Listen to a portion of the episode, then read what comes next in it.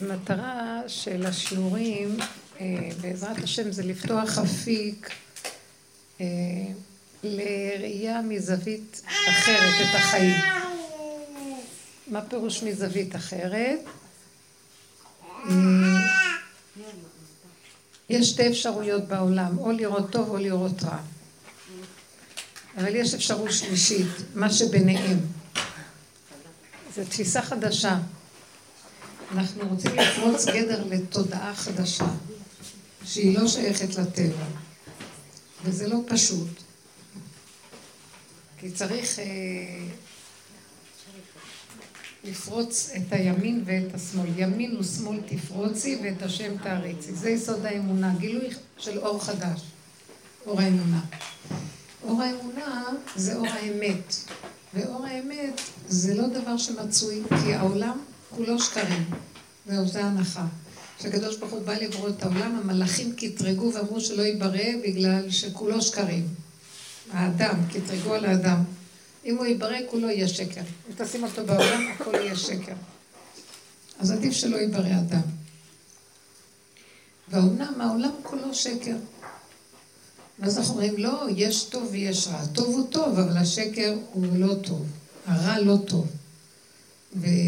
והמהלך של הלימוד האמיתי זה שהטוב גם כן שקר. גם הטוב הוא שקר.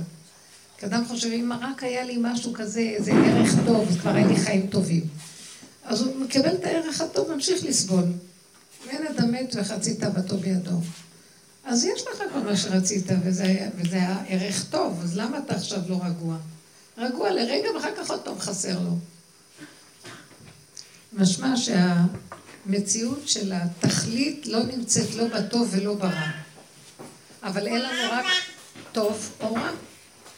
אז איך עובדים עם הדבר הזה?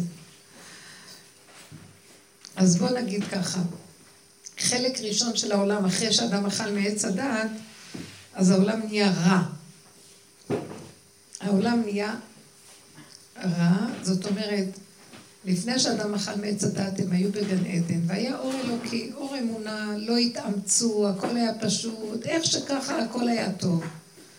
לא היה צער, בגלל שלא היה למה לשאוף שהוא טוב או רע. היה ככה.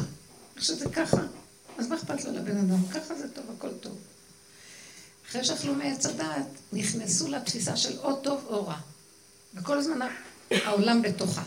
עכשיו, גם, מעניין מאוד, גם הטוב של עץ הדעת הוא גם כן הטעיה, כולו רע. כל האכילה של עץ הדעת היא רעה, לא היינו צריכים לאכול מזה בכלל.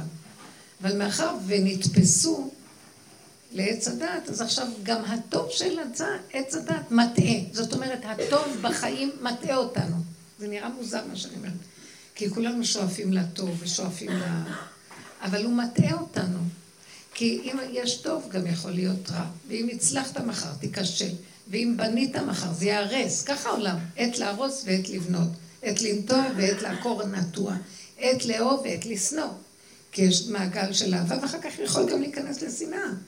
כל הזמן זה נע בין שני הקצוות. נמצא שאהבה שהייתה קודם היא לא אהבה אמיתית, אז היא לא אהבה באמת. זה לא דבר טוב באמת. זה טוב זמני, שהוא בעצם בצד האפל שלו הוא שלילי. אז אנחנו כל הזמן חיים בתוחלת ממושכה. אי, רק שישאר ככה כל הזמן, אי, רק שיאהבו אותי כל הזמן, ואדם עושה את הכל, ואז הוא עמל מאוד מאוד קשה שכל הזמן יאהבו אותו, כי הוא לא יכול לסבול ששונאים אותו. אבל אם אוהבים אותו, גם יכול להיות שישנאו אותו. כן, אותו אוהב יכול להתהפך מחר לשונא, ככה זה. אין לנו ביטחון בכלום, ואין לנו על מי להישען, רק על אבינו שבשמיים. נמצא שבן אדם שרוצה חירות, חייב לצאת מהתפיסה הזאת. החירות זה לצאת מהשעבוד לתפיסה הזאת. גם של הטוב. אני ראיתי בדרך הזאת שהייתי צריכה לתת את הקורבן הכי גדול שיש לי. כי כל הזמן, אז בואו נחזור. אז העולם היה רע אחרי שהם נכנסו בעץ הדת. אנשים חשבו שהם עושים דברים טובים והם עשו דברים רעים. אה, דור אנוש, בואו נתחיל עם דור אנוש. אלפיים שנה מבריאת העולם, העולם היה הולך ונחר עד שבא המבול והחריב את הכל. מה היה הטעויות שלהם? היו שלוש סוגי טעויות. דור אנוש זה הטעות בשכל. הם היו עושים כל מיני עבודות זרות, ומרדו בהשם, והם חשבו שהם עושים את הדברים הכי נכונים בעולם. למשל, אנוש היה הראשון שהתחיל עם הבלגן של עבודה זרה. עבודה זרה זה טעות בשכל, זו המילה הנרדפת למילה עבודה זרה. בהתחלה יש שכל שמטעה אותך, ואז אחר כך אתה הולך אחריו. אומר לך, הפסל הזה זה משהו, הוא יכול לעשות זה, זה, זה. זה הטעיה בשכל שאחר כך משתרשת והופכת להיות מציאות. אז אנוש אמר לאנשים ככה, אתם רואים את השמש? מי ברא את השמש? השם. הוא רצה להמחיש להם שהשם ברא את העולם והוא יש בו, הוא רצה להחזיר אותם בתשובה להשם. אז הוא אמר להם, אבל אתם רואים את השמש, מי ברא אותה? השם. אבל הם באופן מוחשי רואים את השמש, את השם הם לא רואים, אז לאט לאט התחילו לעשות עבודה זרה מהשמש. הוא רצה להזכיר להם שמאחורי השמש יש השם. אבל הם אמרו, אה, כן? והתחילו לראות שמש, שמש, שמש, שמש, לאט לאט התחילו להשתחוות לשמש. כי הם תפסו שמאחורי השמש יש השם, אבל הם שכחו את השם, כי הוא לא מוחשי, והתחילו להשתחוות לשמש. וככה זה כל עבודות זרות. יש להם רעיון אחד גבוה, אבל באמת, הם שוכחים את היסוד הפנימי של החיות והאמת שבו, והולכים לדברים השליליים שמסביב. למשל בסדום. בסדום אמרו ככה, במשנה פרקי אבות אה, כתוב שיש שלוש מידות. שלי, שלך ושלך שלך, זה מידה של חסיד. שלי, שלי ושלך שלי, זה רשע. שלך שלך ושלי שלי זה מידת סדום. למה? הייתי אומרת שלי, שלי ושלך שלי זה מידת סדום, לא? מהי המידת סדום? שאמרו חז"ל, שלך, שלך ושלי שלי, זה מידת סדום. זאת אומרת, אל תסתכל עליי ואני לא אסתכל עליך. כל אחד בחור שלו ואין לנו עסק עם אף אחד. למה? הוא אומר, אני לא אקח ממך, גם אתה אל תיקח ממני. אז זאת אומרת שבין בני אדם אין תקשורת ואין נתינה ואין כלום. כי אם אני לא נזקק לך, אתה לא נזקק לי, זה לא נזקק לזה. השיטה שלהם הייתה כזה, כל אחד יכול בפני עצמו להיות יכול, ואסור לו להזדקק לאף אחד כלום. עכשיו, אם באו עניים לעיר הזאת, כי אין להם כסף ולא יודעים, אני דופק בדלת צדקה, היו כולאים אותו. מה פתאום שניתן לו צדקה? איזה, הייתה שם איזה אישה, בת, רווקה, ריבה צעירה, שהיא ריחמה על העניים והייתה נותנת להם לחם לאכול. תפסו אותה, שמו, תלו אותה ושמו את הדברים שאוכלו את הזה שלה. ככה היא מתה. ואז היא צעקה להשם כצעקתה, וזה עורר, אז מה בעצם זה עורר את הצעקה שהשם בא להחריב את סדום? מה בעצם, לשיטתם הם היו טובים. זו הייתה שיטה טובה, סליחה, אין פראיירים, אין בחינם פה. תעבדו, תקבלו, מה אתם באים בחינם לקבל? זה לא בסדר, אורחים. אורחים, זה לא שהם לא רצו לתת, הם לא רצו לעודד את הנזקקות. תחשבו, זו שיטה מאוד יפה, לא לעודד נזקקות. אבל בלי רחמים, והם הפכו את זה לפילוסופיה, עד שהם נהיו אכזריים רשעים. אבל בהתחלה יש לזה מחשבה טובה, נכון? אתה לא נזקק לי ואני לא לך, שכל אחד יעמול וישיג בכוח עצמו. מה שתיתן לי ולא אתן לך. אבל זה הפך להיות חסר רחמים, כי לפעמים האדם לא יכול, והוא צריך את השני שיעזור לו לקום, ואז כשהוא קם, אז הוא יכול יותר. והשני יעזור לו לקום. כי ימוך אחי חימך, אז עזוב תעזוב עמו, תעזור לו. זאת אומרת, יש, בתורה יש מצווה שנקראת מתן צדקה, ויש מצווה שנקראת מתן חסד, הלוואה. המצווה היותר גבוהה זה לתת לו, אה, הצדקה היותר גדולה זה לתת לו הלוואה ולא לתת לו. יש משהו בעניין של סדום, לא? אבל נותנים לו, לא אומרים לו תמות לנו מול העיניים, זה בעייתך שאתה לא מסתדר. אומרים, אני מבין, אתה לא מסתדר, אתה יודע מה, בוא, אני תומך בך ואני אתן לך ואני אעזור לך ואני זה ואני זה וזה, קשור לך קשרים, יעזור לך, אבל אתה, על מנת להעמיד אותך על הרגליים, יותר טוב מה שאני אתן לך צדקה, תגמור את הצדקה, תחזור אליי, ועוד פעם לא, צדקה להעמיד אותך על הרגליים. ניתן לך הלוואה טובה, תפתח עסק, נעזור לך. זו מצווה יותר גדולה, יש בה מידה יותר גדולה של חסד. זאת אומרת, התורה לא אומרת, לך, אה, אה, אם נפלת זה לא ענייננו, זה סימן שלא היית פרזיט. היא עוזרת, כי כרגע במציאות העכשווית אתה צריך. אז זאת אומרת, התורה מתחילה להכניס את האור האמיתי של, ה... של הטוב האמיתי. אבל לפני שניתנה תורה, בוא נגיד האלפיים הראשונות של העולם, עץ הדת הזה, אנשים חשבו שהם עושים טוב, והם היו עושים רע. אה, החלאה גנטית. בדור המבול, זה היה, הטעיית בשכל, זה היה דור אנוש. הקדוש ברוך הוא כל כך לא יכול היה לסבול אותם. זאת אומרת, מה זה הקדוש ברוך הוא לא יכול לסבול אותם? בואו נפשט את המילים. אנחנו לא, אני לא רוצה את המושגים הדוסים. אני רוצה אמת. הבריאה לא יכלה לשאת אותם, הם החריבו את הבריאה, אז באה הבריאה והחריבה אותם. זה כמו החור באוזון, אם אנחנו לא נשמור על האיזון של הבריאה, אז אנחנו נסבול. הבריאה תכה בנו. עלו שיטפונות, צונאמים שלמים, שטפו אותם. כתוב שהקדוש ברוך הוא הציף את האוקיינוס, זאת אומרת, מה זה הקדוש ברוך הוא זאת? זאת אומרת, השם נתן בבריאה כוח, היא מענישה, כך כתוב, רעתך תייסרק. לא השם מעניש את הבני אדם, הרעה שלו מייסרת אותו. העונש בא לו מצד עצמו, שאם הוא עושה משהו רע, הוא פשוט עשה פלונטר בבריאה, אז הפלונטר הזה לרעתו. עכשיו אין לו נשימה, מאיפה לנשום, כי הוא עשה פלונטר. הוא מעקש את דרכיו, אז דרכיו מתעקשות עמו. זאת אומרת, זה לא על השם הטענה, אין טענה על הקדוש ברוך הוא.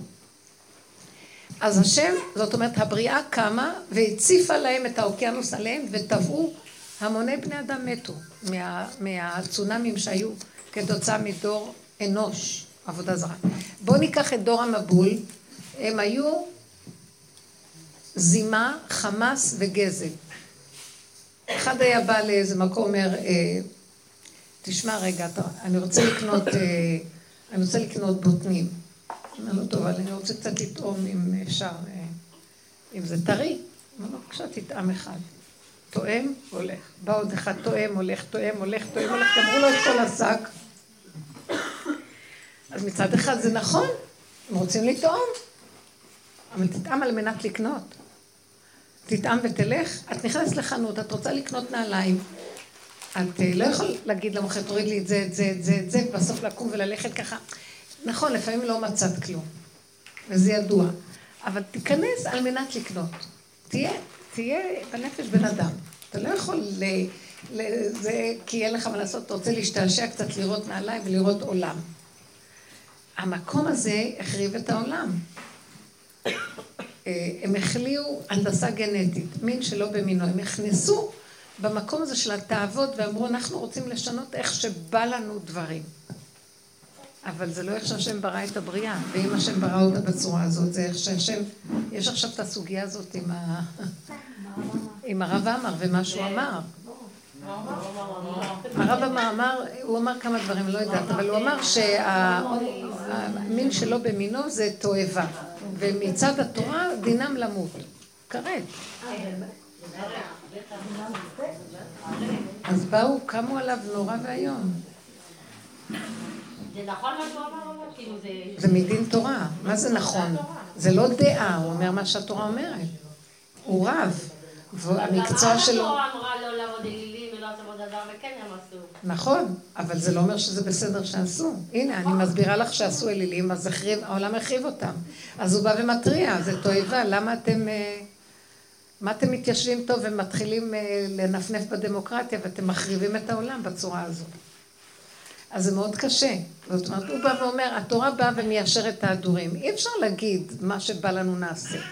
יש כללים ויש חוקים, ואם לא, העולם נחרב. זאת אומרת, אני רוצה להמחיש. עכשיו, דור, דור הפלגה, גם כן, עוד טעות. שהם רצו לנצל את כל הבריאה כדי אה, לשלוט. זאת אומרת, הם קיבלו, הם עלו למדרגה שנעשה לנו מגדל. הם הבינו את הסודות של הכלכלה ושל זה, והם שיעבדו את כל העולם, שהם יהיו השליטים בעולם, והשפע שלהם, ואנשים משתעבדים אליהם. כמו כל השיטה הקפיטליסטית, קצת כזה, משהו כזה. זה כאילו מפתח את העולם, אבל האדם נהיה משועבד בלי סוף, כדי שהם יהיו במגדל עשירים. זה כמו היום. ברור, זו השיטה. אז עכשיו יש כמה משפחות שהן, כמו שאת אמרת, מי זאת אמרה לי? לכולם אני קוראת פה רינתיה, נראה לי שזה שם, זאת רינתיה וזאת רינתיה. הזכרתי שזה רק היישוב קוראים לזה. אז בסופו של דבר הם החריבו את העולם, עד שבאה התורה לעולם, כי הם חשבו שהם הולכים בטוב. למה הם חשבו קפיטליזם זה דבר טוב, יש שפע בעולם, אבל את הכל אתם מנקזים אליכם וכולם רק משתעבדים לכם. זה כאילו יש שפע, חנויות מלאות, הכל שפע, מלא שפע, אבל אדם לא יכול לקנות, אם הוא קונה הוא משתעבד כל חייו לתשלומים, והוא לא יוצא מזה. אז מה טוב פה? היא שיטה טובה למראית עין. באמת, האדם הוא עבד לה, והיא לא משרתת אותו, משרתת כמה בודדים שהם מחזיקים בכל ההון הזה ושולטים בעולם. נמצא שהעץ הדעת טוב, באתי להמחיש לכם, כל הדיבור הזה, הוא הוא שמחריב את העולם בעצם. הוא שקרן, רמאי, מתכסה, מתייפייף, יושב לו בפוליטיקלי קורקט, והעולם, והכל שקר, ואחיזת עיניים. נמצא בעצם שעץ הדעת טוב, וזה מה שרציתי להגיד, כדי להגיע לעבודה הזאת שאני מדברת, הייתי צריכה לשחוט את הדבר הכי גדול שיש לי, את הטוב שבי. את הצדקות ואת המדרגות ברוחניות. לא מדברת עכשיו על כסף וכלכלה, שזה גם כן. כדי לבוא לרב אושר, נש... כל המפעל שהיה לי נשבר לי. משהו התחיל להסתובב נגד. ואני מסתכלת, רגע, את רוצה לבוא לאמת, לא? ומה שאת עושה זה כנראה לא בדיוק באמת. למה, מה, אני עושה דברים טובים, זיכוי הרבים, הכל הכל, כן, אבל את גונבת פה קצת כבוד, ופה את עסוקה עם הממשלה והתקציבים, אז את מתחנפנת פה, והכל זה תן לי ואתן לך, וכל הסיפורים האלה. את נכנסת במערכת שהיא לא בדיוק מתאימה למי שרוצה ללכת באמת. אז אם את רוצה אמת אמת, אז את רוצה לדבר על האמת, ללמד אמת, נכון? אז את צריכה לפרק את כל המהלך הזה, והכל מתפרק. אז זה נראה לי חורבן, אבל זה חורבן על טוב. זה מחריב את השקר. ובאותו זמן היה נראה לי חורבן ונורא ואיום. עמותה של 22 שנה של חינוך, פתאום התמוטטת לי הכל. זה היה קשה, אבל הבנתי שהכיוון הוא, אם רוצים לבוא לאמת, אי אפשר לשבת ולהמשיך לחיות את החיים רגיל. אבל האמת שהשם מרחם, הוא לא רוצה שנחרב. הוא רוצה להחריב את השקר שבדבר, לא את הדבר, הבנתם? כל דבר קיים, ויש סביבו תפיסות של שקר. אז בעצם בדרך הזאת אנחנו כל הזמן מבררים איפה האמת, והבירור הזה מפיל את השקר, אבל לא שנמות. דוד המלך עבר את... הוא, הוא, הוא, הוא הרבה שלנו, הוא עבר את הדרך הזאת, והוא כמעט מת. אז אחר כך הוא אמר, לא, אני לא מת, הרע שלי מת, אבל אני לא אמות כי אחיה. ואספר מעשה קו, ואני עוד הולך לפרסם את השם אחרי זה, כי הוא החיה אותי, הוא פשוט סגר את כל השקר ואת כל הכוחות הרעים שבתוכי, שבר לי אותם, ומתוך זה דווקא עלה התגלות האור הקדוש, ואני עכשיו... השם דרכי מתגלה, וזה נקרא משיח השם. אז ברור האמת הוא לא דבר קל. הוא עבודה תמידית של התבוננות. איך אנחנו חושבים שזה אמת והכל שקר. מתי נתחיל לעשות את העבודה הזאת? למה? הבן אדם לא מחפש להתנדב, אה, לזעזע את חייו. אף אחד לא מתנדב להרוס את המפעל חיים שלו. אבל מכריחים אותו. מי שנכנס בדרך האמת, מתחילים להגיד לו, אתה לא יכול סתם לדבר ולחיות.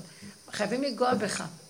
אבל אני, אני תמיד אומרת, ברחמים, אבא, ברחמים. אז הוא אומר, כל הדרך הזאת היא הרחמים היותר גדולים מאיך שאתם חיים. איך שאתם חיים, אתם חיים. משתעבדים לכסף, לכוח, לדמיונות, ל... נו, הכוח והכסף והדמיונות הרוחניים ומה לא, ואתם הולכים לאיבוד והחיים נגמרים, ולא נגעתם בנקודת האמת. פה אנחנו עוזרים לכם לצאת מכל השקרים, ואומנם דברים נשברים, אבל האמת מתחילה להיות נר לרגליכם, וזה גילוי שכינה פנימי ושמח לו לאדם בתוך הנפש, אז אין לו את כל הדברים החיצוניים, אבל, או שיש לו ברמה אחרת, אבל יש לו חיות מה שאין לאחרים. אז התכלית היא להגיע לנקודה הזאת. עכשיו, כל השאר זה רק הפירושים שאנחנו עוד פעם חוזרים ומפרשים ומדברים על כל נקודות.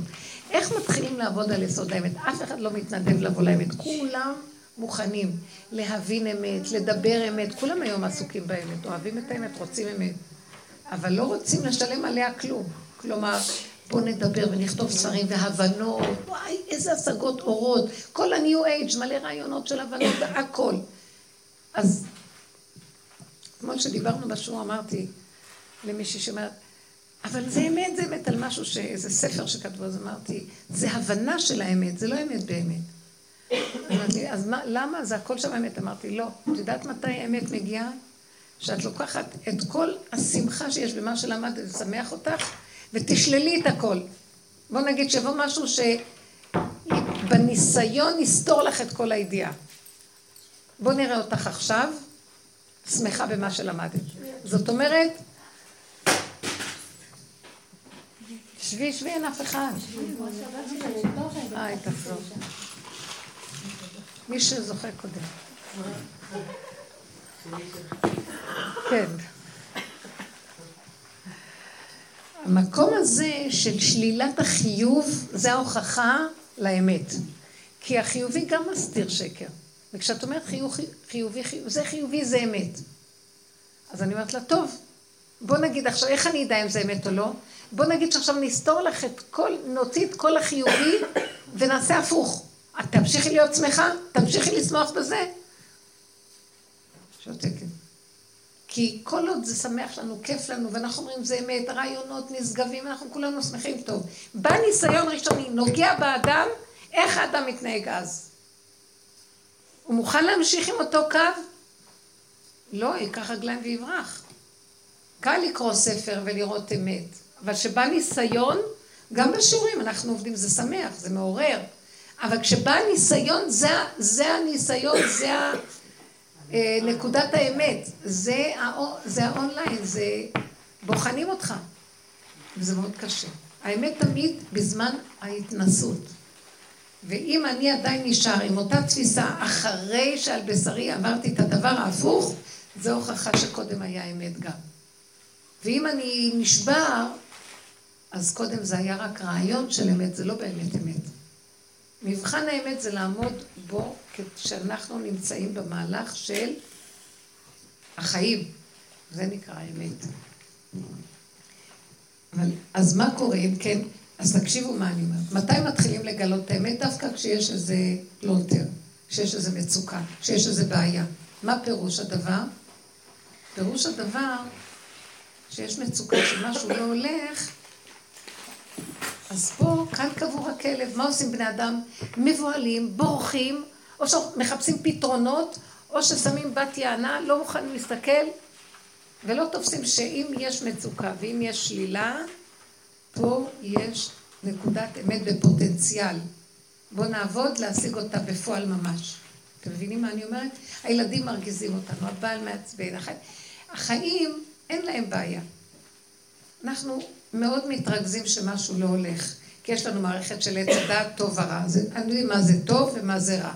אפילו שהתורה נכנסה בזה גם כן. זה טוב, זה רע, סור מרע ועשה טוב.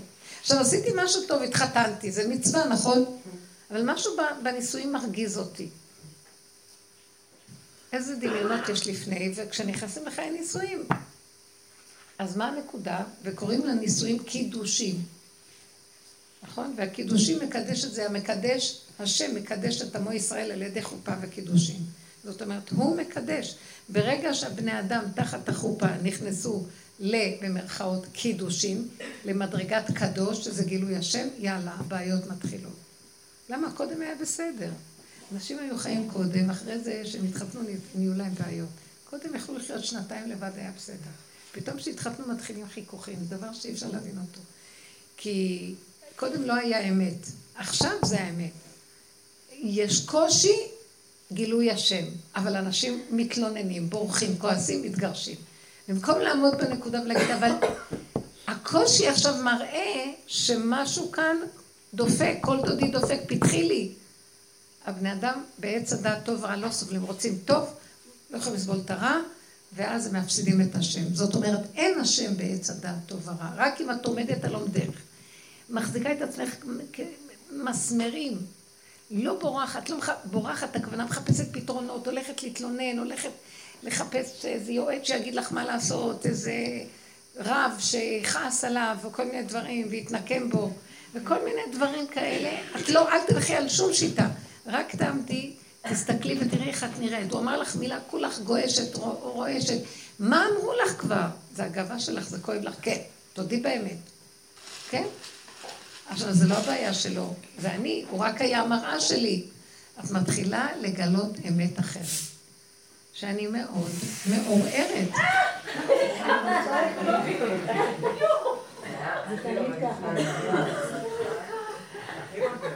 שפע רב. ברוך אתה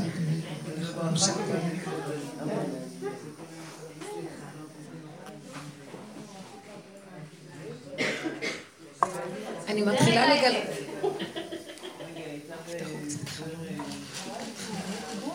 אני מתחילה לגלות את ההתערערות, אנחנו מעורערים. הנה, תראו עכשיו מה קרה. נפתח הבקבוק, התחיל להשפריץ, כולנו יצאנו מהריכוז. בוא נגיד שה, שהבקבוק היה נפתח, משפריץ ונשארים. עכשיו, ברור ש, שאנחנו רוצים לקפוץ. תאפקו את הקפיצה, אל תברחו, כי כשאדם עושה ככה, רוצה לברוח מהשפריץ. לא לברוח, לחוות אותו, לחוות אותו, ולא לזוע ולא לנוע, שלא ישפיע עלינו כלום. מה קרה?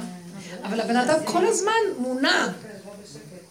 אם לא היינו בורחים מדבר שהוא לא נוח לנו ונשארים, ורואים איזה חלשים אנחנו, כל דבר קטן ישר, הפסקנו את הריכוז, זאת מדברת עם זאת, זאת לקחה הזדמנות לאכול, זה ככה, זה יאללה, יצאו מהריכוז, עשו הפסקה קטנה פתאום. מה? איזה כלי קל, פשוט, אה, אפשר להשתמש בו בסיטואציות כאלה, יש לנו הרבה. הנה, זה הכלי שלנו. מה, מה עושים באותו לא, רגע כדי... אבל אני מדברת ואת שואלת אותי, אני לא קולטת. אמרתי לך, תאפקי. תאפקי את הזעזוע. עכשיו, הבעל אמר לך מילה וזה מזעזע אותך. תאפקי את הזעזוע! ובמקום לחפש הוא לא צודק, מה הוא עושה לי לא זה, ואז כל הרגש מסעיר אותך, מכסה את האמת. תגידי, תראי איך את נראית. מה כבר אמר לך? תראי איזה מעורערת. את מתחילה להרגיש את האמת. מהי האמת? שאני ילדה קטנה, לא מסוגלת לסבול כלום. כל דבר שרק מפריע לי, אני צורחת, אני יוצאת מהגדר. אין לי יכולת לעמוד בנקודה ולצפצף ולהגיד, מי הם כולם פה? אז מה הוא אמר שיגיד עד מחר? אז מה, בגלל שהבקבוק עשה ככה אני אפסיק עכשיו את הריכוז? תראו איך אנחנו נראים. כל רגע נשבר לנו משהו בנפש. זה ניסיונות של אה, ערב שבת עם אה, שהילדים שופכים ואנחנו קופצות, זה ממש... בטח. לכן אמרו להחביא את הסכינים ערב שבת. כי יש סכנה, ממש אדם ממש במצב של, כן, בגמרא כתוב. בשעה כזאת נולד מאדים, והוא מתחיל לנסות את הבני אדם קצת לפני כניסת שבת. נולד היצר הרע, ואז צריך להחביא את הסכינים. תמיד יש מריבות. זה נקרא מנהג ירושלים, לפני כניסת שבת מוכרחים לריב. אולי גם זה מנהג רינתיה. גם ברינתיה, גם ברינתיה. כי הירושלמים הם אה, עצבנים, זה ידוע. ירושלים זה יסוד האש. ירושלים זה ארבע ערים קדושות. ירושלים זה יסוד האש, חברון זה יסוד האפר, טבריה יסוד המים, וצפת יסוד האוויר. זה ארבע ערים קדושות בישראל. כן, שתדעו. אז ירושלים זה יסוד האש. דוד המלך היה ג'ינג'י, הוא בנה את ירושלים. קשה. נגיד אה, התינוק שלי, הילד שלי חולה, עם חום, ארבע ימים הוא חולה, והוא בוכה כל הזמן. נכון. אז אני לא יכולה להתאפק, בסדר, נגיד מול הבעל, דבר אחד נכון. שאמר, וזה ארבע ימים לשמוע בכי של ילד שרוצה על הידיים כל הזמן. זה מאוד קשה, זה מערער. אין בעיה.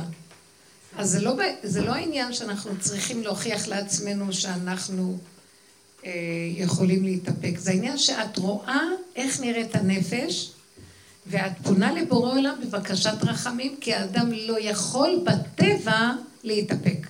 הוא יכול קצת ועוד קצת, אבל אם השם לא יעזור לו, הוא לא יכול נגד כוח ההתנגדות. יש שקט ופתאום בא משהו שמנגד וכל הזמן מפריע ומפריע, ואדם לא יכול להכיל אם הקדוש ברוך הוא לא יעזור לו. אז מה שעכשיו ציינתי על הבקבוק, ואיך כולנו סערנו, בואו נשים לב איך אנחנו נראים. זה לא אומר שמחר, עכשיו, אנשים של מודעות שאומרים, אני יכול להתאפק. אז הם יתרגלו להיות מתאפקים, אבל הם לא יהיו קשורים עם השם, כי הם ירגישו שהם יכולים להתאפק, הם גדולים, הם צדיקים, יכולים להתאפק. ואנחנו לא רוצים את זה, אנחנו רוצים לדעת שאנחנו לא מסוגלים. ומשחקים אותה כאילו, וסוף סוף בדרך הזאת, קודם כל כן נתאפק. כדי שנדע כמה שאנחנו נתאפק, יבואו דווקא ניסיונות להוציא אותנו מהאיפוק. על מנת שבסוף נצעק להשם ונגיד לו, זה לא המטרה שנתאפק, זו המטרה שכמה שלא נתאפק אנחנו לא יכולים כלום. רק אתה כל יכול, תתגלה עלינו ותעזור לנו. פה מתגלה האמת. שהבן אדם לא יכול. עכשיו שימו לב למדרגה של העבודה הזאת. אנחנו מחפשים אמת. איפה האמת נמצאת? לא בשמיים, היא בבשר של הבן אדם. אבל הבן אדם עף על עצמו ואומר, אני באמת, אני יכול, אני זה. אני לא מדברת על אנשים ישנים. בוא נגיד אנשים בעלי מודעות גבוהה, ויש להם תרגילים, והם עושים הכל. הם מרגישים שהם משהו. הם לא קשורים עם השם, הם עפים על עצמם, הם קשורים בדמיונות. אנחנו לא רוצים להיות רדומים. מצד שני, אנחנו גם לא רוצים להוציא את השפריץ החוצה, כי אנחנו מאבדים אנרגיות ולא מעלים אותן נכון להשם. אז בין זה לזה אני צריך להתאפק, ובסוף הוא, דווקא כשמתאפקים, ודווקא כשהולכים באמת, כל הזמן הניסיונות. עד שבסוף את צועקת, מה אתה רוצה ממני? אני לא יכולה יותר כלום. אומרת, זה רציתי לשמוע, שאת לא יכולה כלום. ואז תבקשי רחמים, אבא. עכשיו אני רואה איפה היה האדם הראשון לפני שהוא אכל מעץ הדת. הוא לא היה צריך כלום לעשות, הכל השם עשה לו. אכלנו מעץ הדת וייתם כאלוקים, עכשיו כולנו כמו אלוקים. והכל דמיונות. זה סתם דמיון שאנחנו יכולים, לא יכולים כלום. לכן העבודה הזאת זה להתבונן בעצמנו ולא להגיב לשני. כי ברגע שאת מגיבה לבעלך ואומרת לו, לא, הפסדת אפשרות להסתכל על עצמך ולראות את החוסר אונים. לראות, תראי איך את נראית, בקבוק קטן משפריץ, הלכת לאיבוד. אז תגידי לו, אבא, ואני עוד, אם מישהו רק יעז להגיד לי מילה איך אני נעלבת, תראה איך אני תת רמה. אם אנחנו באים אליו עם האמת, הוא פותח שערים. אה, בוא נגיד עם הילד, אני מחזיקה אותו, מרחמת עליו, אחרי ארבע ימים אני רוצה כבר. או שהוא ישתוק או שאני אזרוק אותו מהחלום. אין לי רחמים עליו כבר, כי הוא, אין לו רחמים עליי. ואז אני אומרת להשם, תראה את האכזריות, נשים רחמניות בישלו ילדיהם. כך כתוב מה שהיה בחורבן בית שני. אי אפשר, רחמנות, יש לה גבול, לא יכולים. אז איזה מין רחמנות יש לאדם? אין לאדם רחמנות, רק השם מרחם עליו שכאילו יש לו רחמנות. הוא מגרה בו קצת משהו, כבר יוצא לו עצבים. אז אם כן אנחנו אומרים, ריבונו שלו, אם אתה לא תרחם, שב, שקד שומר, אם אתה לא תבנה בית, שב, עמלו בו נבו, אם אתה לא תעזור לי, אני לא יכול כלום. את זה הוא רוצה. זה נקרא מדרגת האמת, שהבן אדם מגלה מעצמו שלא יכול כלום. ורק השם יעזור לו. וזה מאוד קשה להגיע לזה, כי כל פעם יש עוד איזה נקודה שאנחנו כל כך חושבים את עצמנו כמה עבודה אני עושה, וכמה עשיתי וכמה זה, וכל פעם מחדש קופץ לי עוד איזה צד שהוא כועס, למה אמרתי עוד ככה לזאתי, והיא אמרה לי, ואני מחשבנת, כמה עבודה עשיתי לא לחשבן ולראות כמה אני דפוקה, ואין לי כוח לכלום, ועוד פעם קופץ לו איזה ראשון, לנחש הזה יש אלף ראשים, מה שאת לא חותכת לו ראש, הוא מוליד עוד שלוש. מי יכול לו? אז אני אמרתי, ריבונו שלום, רק אתה תעזור לי, ואני כל כך, אני מבוזה. אדם מתהלך עם ביזיון. איזה תת רמה אני. וגם את זה כבר הפסקתי, אני אומרת לעצמי, די, קבלי שאת תת רמה, אין דבר, תצחקי. כי עץ הדת עוד אומר לך, תת רמה, הוא כאילו בא ל... יש לו עבודת השם, אז את תת רמה. ובסוף את נשברת, אסור להישבר בעבודה הזאת, כי אנחנו תת רמה וצחוק. לא להישבר, תת רמה. מטומטמים לגמרי. רשעים, אין לנו טיפת רחמנות. נזרוק את הילד מהחלום, לא אכפת לך כלום. כי גם כשאכפת לך, סימן שאת עוד רוצה להיות משהו. עד שלא אכפת לך כלום, מה שאומר זאת האמת. מה אכפת לכם? אני אכנס לסדר לכם הכל. מה עליתם על העץ הזה? ואתם כל הזמן רוצים להיות כמו אלוקים. אתם לא מסוגלים לנשום, אני לא אנשים אתכם. להניע את האצבע, אם אני אתקע לכם את השריר, אתם לא יכולים. מה אתם מחזיקים מעצמכם כל כך? ואם מישהו אמר לך מילה איך את נעלבת, גולם שנעלב, ראיתם? ככה אנחנו נראים. אם היינו צוחקים על עצמנו, אם היינו רואים את האמת, איך אנחנו רחוקים מן האמת.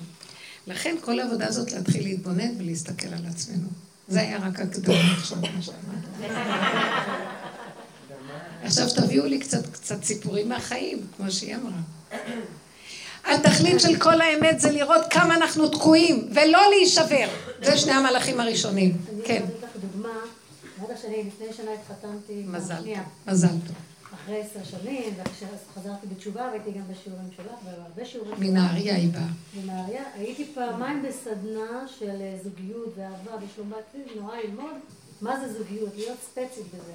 ושכשאני אבנה פעם שנייה, אני כבר ממש אלופה, ואני יודע איך לא לעשות את הטעויות. ברוך השם התחתנתי, והייתי מבסוטית, והייתי בטוחה שעכשיו אני יודעת להתמודד, ורציתי, והייתי סקרנית לדעת איך עכשיו בשעת מבחן אני אגיב, ואני אגיב אחרת ממה שהגעתי פעם. אז אה, זה מאוד מאוד קשה, כי כמו שאת אומרת, בשעת מבחן, אם לא, לא היו עוברים עשר שנים שחיכיתי, אז זה מחזיק אותי, כאילו שאני תזכרי, תזכרי כמה רציתי. מי אמר לך להתחתן עוד פעם? מה? אני עושה את זה. מספיק פעם אחת. לא, לא. הכל טוב, הכל טוב. אני רק אומרת לכם שזה תמיד חוזר, כי ככה זה, ככה זה החיים פה. אדם תמיד יתלונן, הוא בתוכנת עץ הדעת, תמיד יהיה לו קשה, תמיד יהיה לו זה. הוא רוצה את זה, ואחר כך הוא אומר, מה הייתי צריך את זה? וככה זה, אנחנו דואליסטים. והפוכים, זה, לא רק אני כולם. כמעט אומרת, ואז אומרת, לא, לא, לא, לא, תזכרי, אני פשוט זוכרת את החוויה של הציפייה לזה, ושבעצם צריך לעשות את העבודה, כמו שאת אומרת, אי אפשר לברוח. אי אפשר לעזור לעבודה כשמישהו מעצבן, או לגדולות כשהוא מעצבן. לדעתי, נכון, אז תראו, אתם יודעים ממה אדם חי? תראי, מאוד יפה מתארת את זה מהציפייה, תזכרי את הציפייה ואל תתרכזי. אז היא עכשיו חיה מאיזה דמיון שהיה לה פעם של ציפייה. היא גם עדיין לא חיה באמת. כי מסכנה, היא צודקת, כולנו מסכנים. הם צריכים לשכנע את עצמנו שלא נעשה עוד פעם שטות. תזכרי את הציפייה שכל כך רצית. אה, זה כן. אז היא עדיין לא חיה עם הכיף של החיים. היא חיה עם איזו ציפייה שסוף סוף התגשמה. לא שכל כך טוב לה שהתגשמה, אבל תזכרי את הציפייה שהיה יותר גרוע. ברירת מחדל, מה שנקרא, וככה החיים שלנו כל החיים. לא, כאילו הציפייה יותר חשובה מה... בדיוק, הציפייה... לא, לא, את לא מבינה, אל תלכי על החיובי, כי את הורסת לי את כל השיעור. לא, כי הלכה לרבניות ללמוד, גם אני לימדתי, לימדתי מה זה, לימדתי מדריכות של מדריכות. אלה שמדריכות את טהרת המשפחה, אז אני הייתי המדריכה שמדריכה אותה.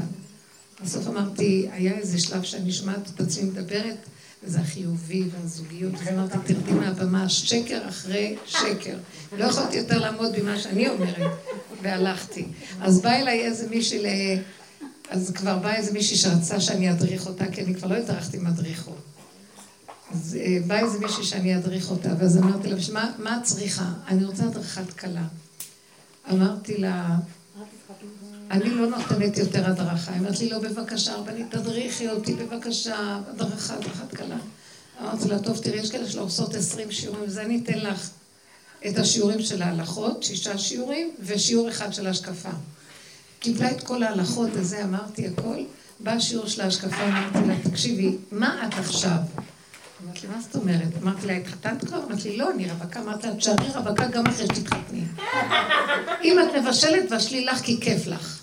אם את מסדרת הבית, כי כיף לך. תעשי רק מה שכיף לך.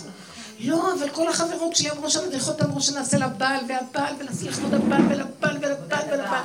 אמרתי לה, זה נקרא, וילכו אחרי הבעלים ויהבלו. אז אל תלכי אחרי זה, כי זה ישגע אותך. פעם, פעמיים, שלוש תעשי, והוא יגיד לך, מה, מה, והוא לא ייתן לך את התמורה שאת מדמיינת, אני עושה, אני עושה, כמו אחד שבורח מהכבוד ומסתכלת לראות אם רודף אחריו, אז זה לא יעזור לך כלום. כי יום אחד תתפרצי ותגידי, כמה אני אעשה ומה איתך?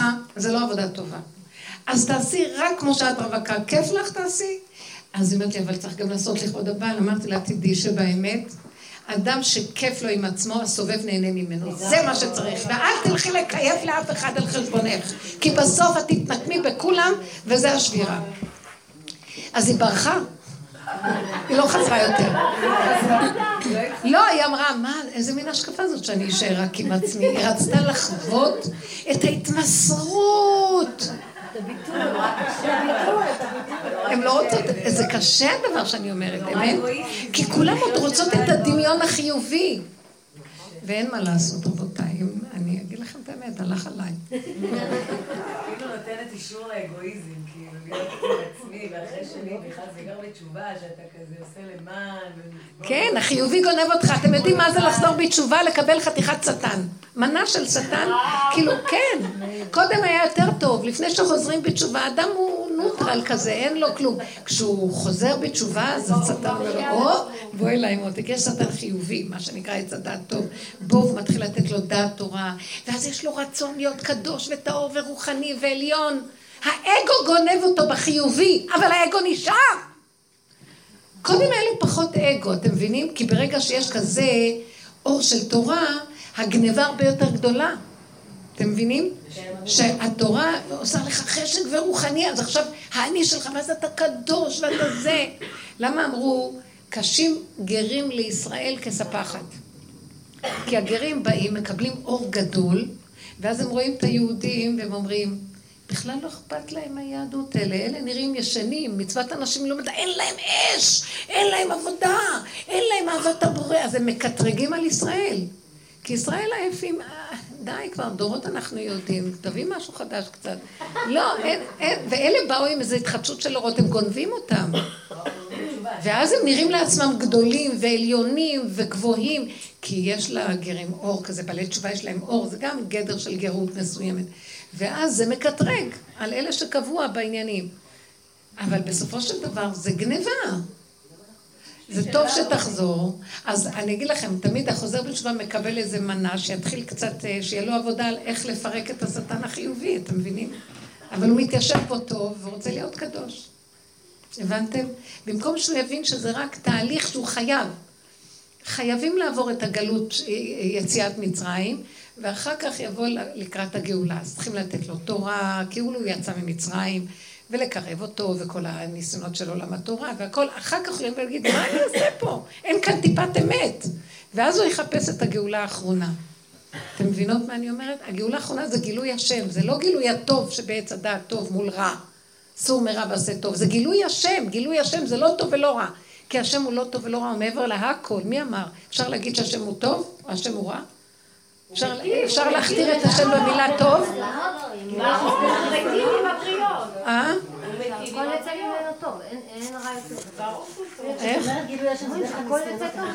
בדיוק. הטוב של השם, מה שלנו נראה רע הוא טוב אצל השם, כי אנחנו רואים את זה בפרספקטיבה הקטנה של הבן אדם, הוא מייללים. והשם אומר, לא, חכו, זה לטובה מה שקורה לך. אז מפי עליון הטוב שלנו זה לא בכלל קנה מידה שלו, יש לו טוב מסוג אחר. אז אנחנו כאילו מדמים אותו כאילו הוא אנחנו, הטוב שלי זה הוא. זה לא אותו טוב, זה טוב של עץ הדת, זה טוב דמיוני של משהו זמני, שרגע הוא טוב, מחר הוא רע. אצל השם זה טוב מוחלט. עליון שאין לו שום שינוי. מה? זה מה שאוהבים להגיע. האמת שאי אפשר להגיע לטוב הזה, אי אפשר להגיע לזה אם אנחנו לא מפרקים את הטוב של הטבע. אתם מבינות מה אני אומרת? בדיוק, אבל אז מגיעים לאיך שזה ככה טוב. כי את כל הזמן שואפת לטוב של עץ הדת וחושבת שזה השם, ועוד מעט תגיעי להיות בדרגה של השם, הבנתם? אי אפשר שעץ הדעת טוב יהיה השם אף פעם, אתם מבינות? כי ברגע שאכלו מעץ הדעת תסתתר האור האלוקי, ואז נהיה דמיון של אור, אבל לא אור באמת. זה דמיון. יש כאילו קצת עיבוד של הרגשות הפיזיים, כאילו, כאילו אתה נכנס למין שקט כזה בתודעה הזאת, שהוא כאילו אתה מאבד את הדברים מהחיים האלה שהם יצרים. הסיפוקים והריגושים. כי הסיפוקים והריגושים זה... מהשקט הזה. נכון.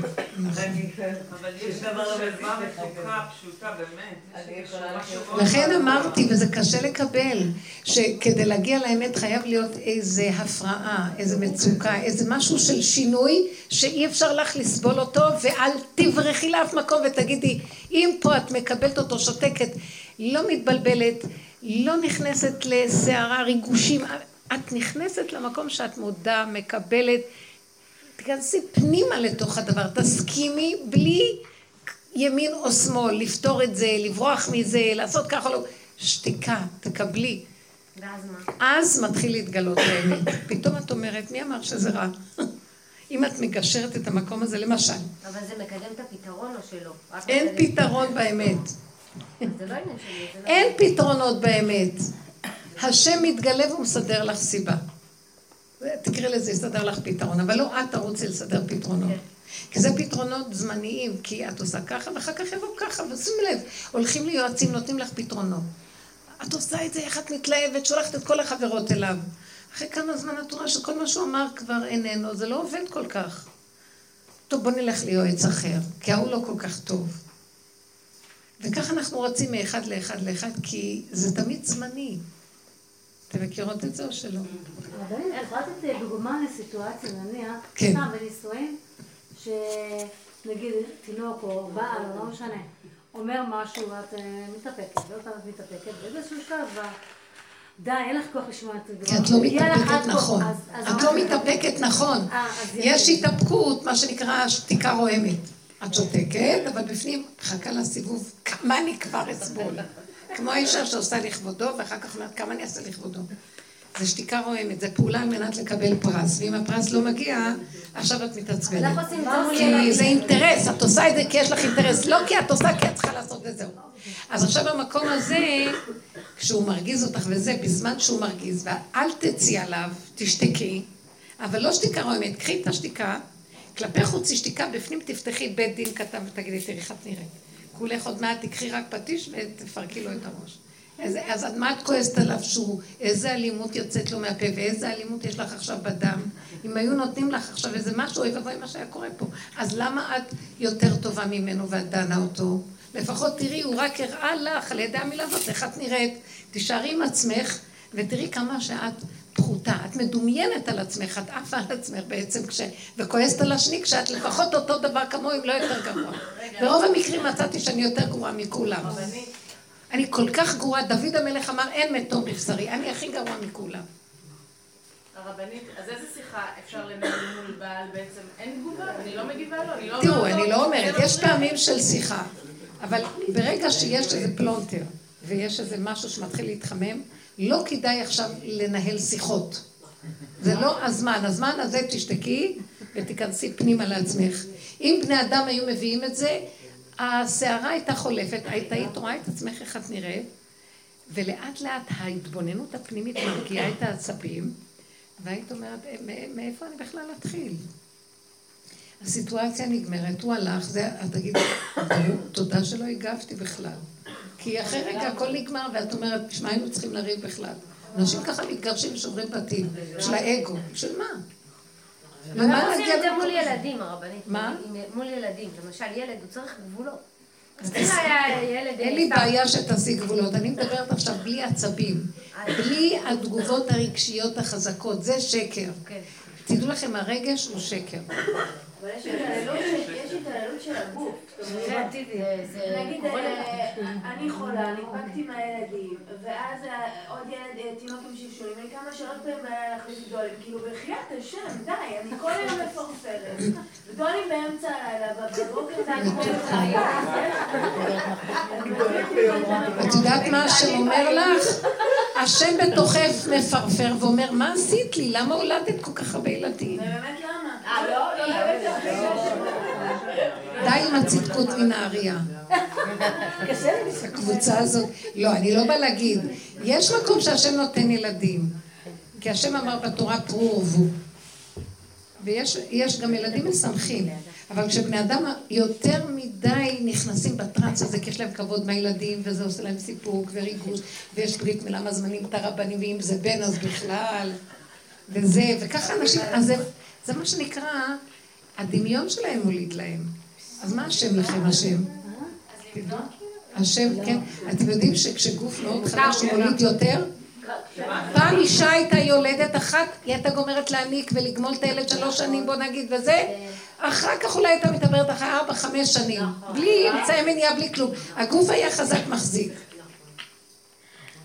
היום בתוך ההנקה אישה מתעברת. כי הגוף כל כך חלש, כי הדמיון גדול מאוד, המוח גדל עלינו, הדמיון שלנו גדל מכדי, מכוחנו להכיל אותו אפילו. אתם לא מבינים?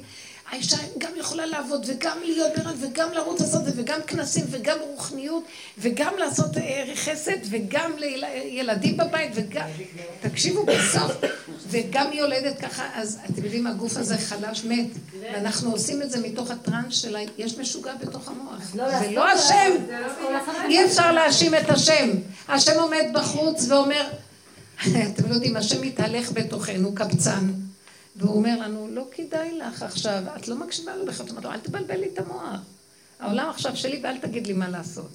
אתם לא מבינים שהקדוש ברוך הוא מתהלך בתוכנו ומנסה להסביר לנו, הוא קפצן, מי מקשיב לו בכלל? ואנחנו אומרים לו, אה, סליחה, אתה... המנדט שלנו עכשיו, אנחנו מנהלים את העולם, אין לנו מה, אנחנו עקשנים ולא רוצים לשמוע. אתם לא מבינים שזה הגלות? קשה לכם מה שאני אומרת. אבל יש הנחיות מהרבנים, אצל החרדים, אז אומרים לו... כל דבר שהם רוצים לעשות, שואלים את הרב, לעשות ילד, נכון, כי הרבנים נותנים את הדעת תורה כמו... זה נכון, הרבנים הם צריכים ליישר לנו את השכל. אבל תדעו מה שקורה הוא ככה.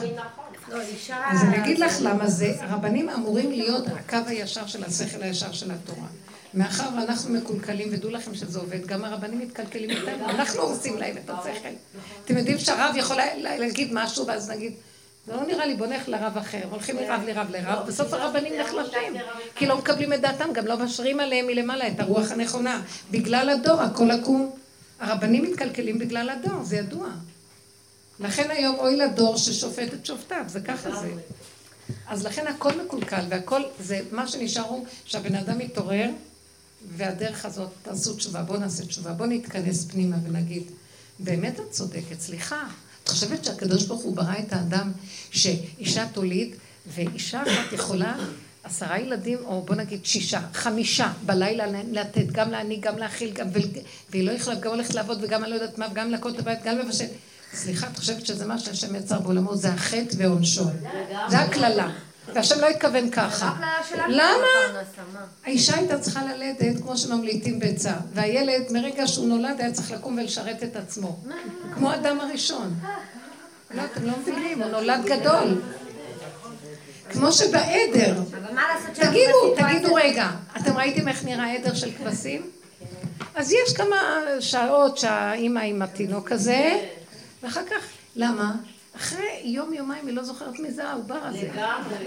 ואני רוצה להגיד לכם משהו, יש אמונה בעדר יותר מהשלנו, כי כולם, כי היא יודעת שהשם מטפל בו וליד אותו, זה שלו. היא רק, זה עבר דרכה. אנחנו הולדנו את הילד, זה שלי. אני כל פעם שמרגיז אותי משהו מהילדים וזה, אני, אני עומד, עומדת ואומרת, רק רגע, כשהייתי רווקה לא הכרתי אותם בכלל את כל אלה. מאיפה נהיה לי כל אלה והם שלי? לא שלי. אני הייתי תמיד לבד, ופתאום הדביקו לי את כולם. עכשיו כל הצרות שלהם וזה, מה זה פה? גם את בעלי, מי הוא בכלל? אני הייתי לבד פעם. ואני כל רגע, תדעו לכם שזה מאוד עוזר לי, אני חוזרת אחורה ומקבלת פרופורציה אחרת. זה במקרה שהדביקו אותם, מה לי ולהם?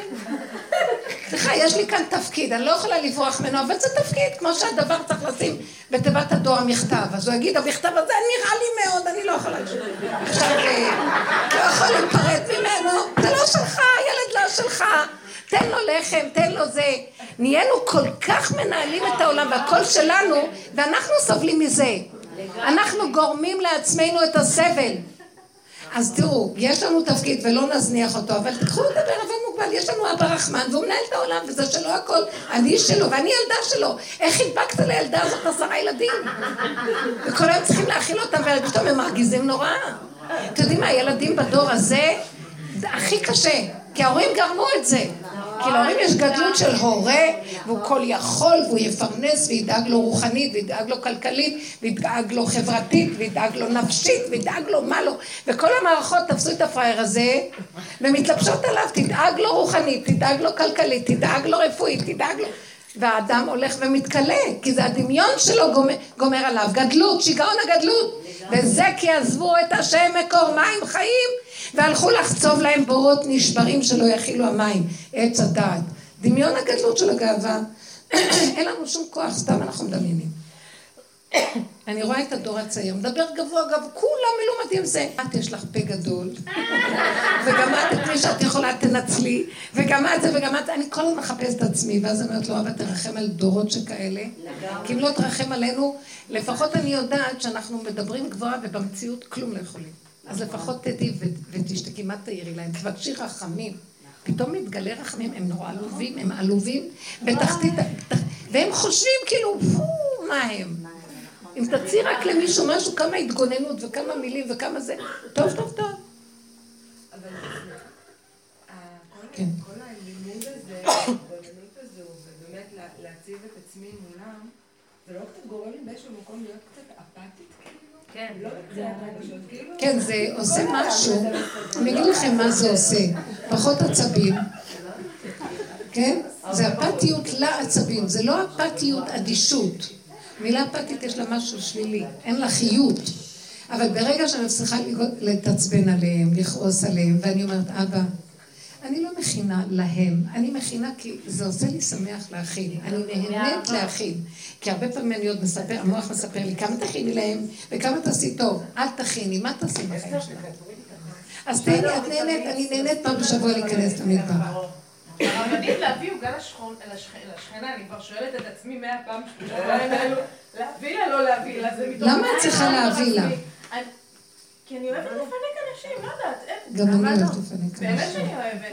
אז אם את יודעת לפנק... אני מפחדת שאולי יש פה איזה משהו שאומר, את מחכה לתודה, איזה עוגה מהממת? כן, נכון. תבדקי את זה. אני לא יודעת איך לבדוק. אני אגיד לכם את האמת, תביאו לי.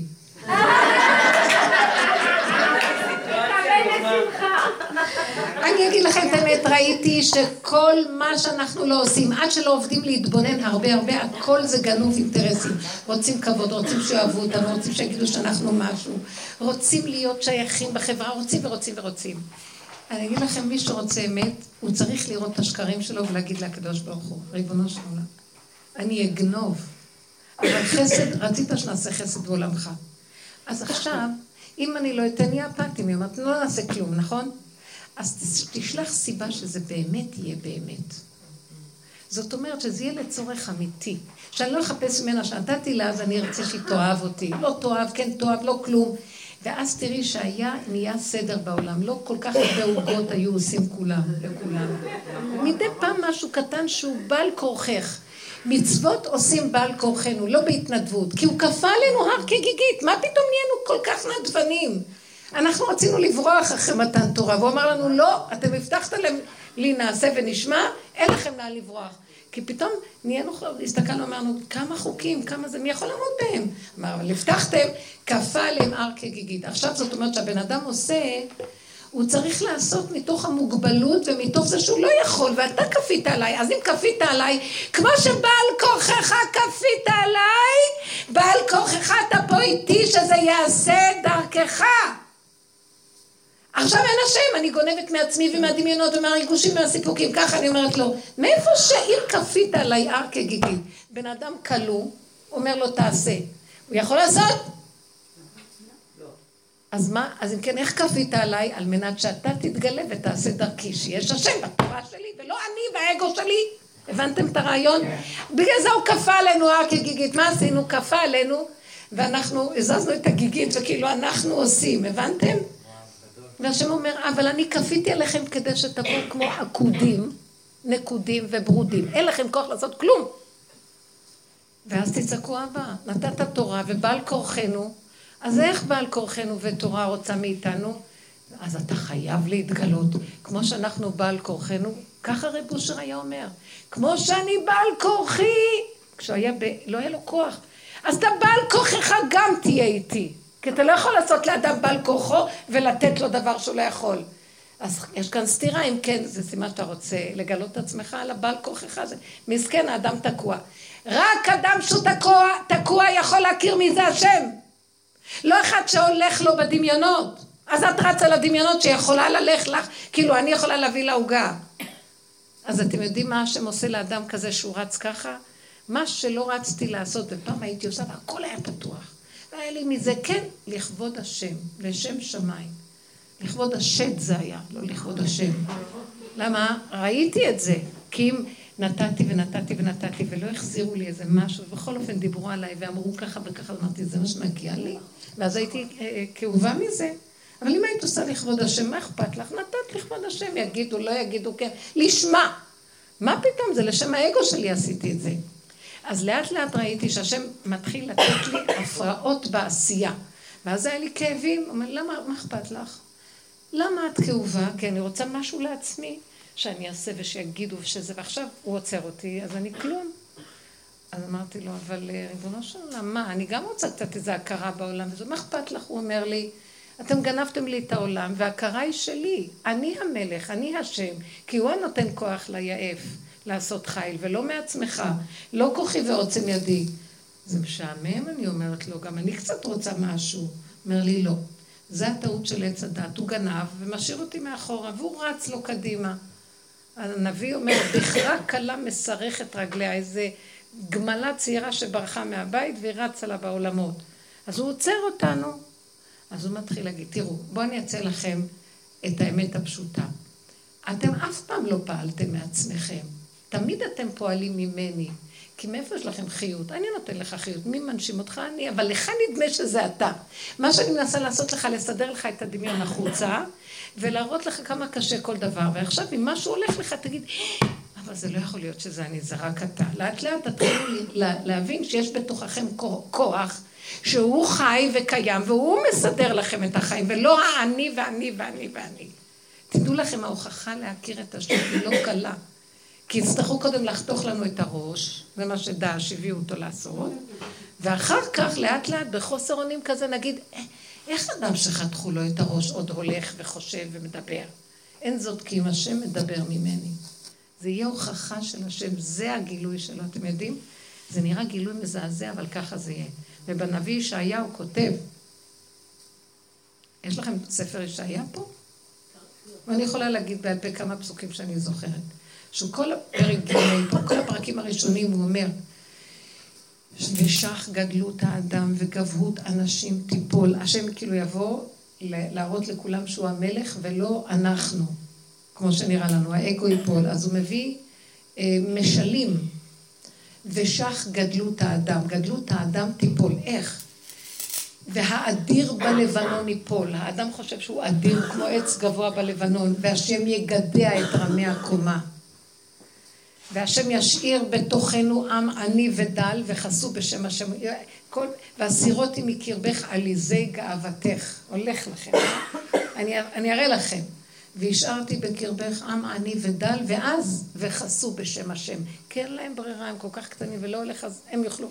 שימו לב איך נראית התרבות שלנו, לאן אנחנו רצים, איזה מגדלים אנחנו בונים. טוב, תגיד זה לכבוד השם, ובאמת קצת שיהיה לך איזה... אני לא יודעת, התרבות הולכת... אה, זו תרבות שנראית מצליחה, אבל היא הולכת לקראת אבדון שלה, זה פשוט.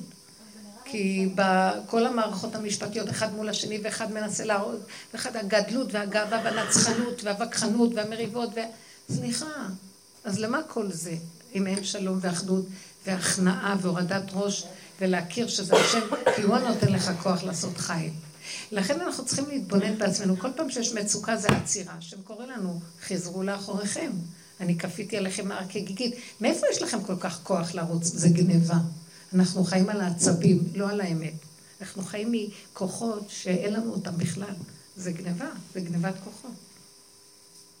אני הייתי אומרת ככה, בעבודה הזאת אני הייתי הולכת אחרת. בוא נגיד שאת שאלת את השאלה שלה. אני הייתי אומרת לו, ריבונו שלם, אני לא רוצה להתחתן עוד פעם, כי ראיתי כמה זה קשה. כי יש אגו לבן אדם וקשה לו מאוד להכניע את עצמו לשני.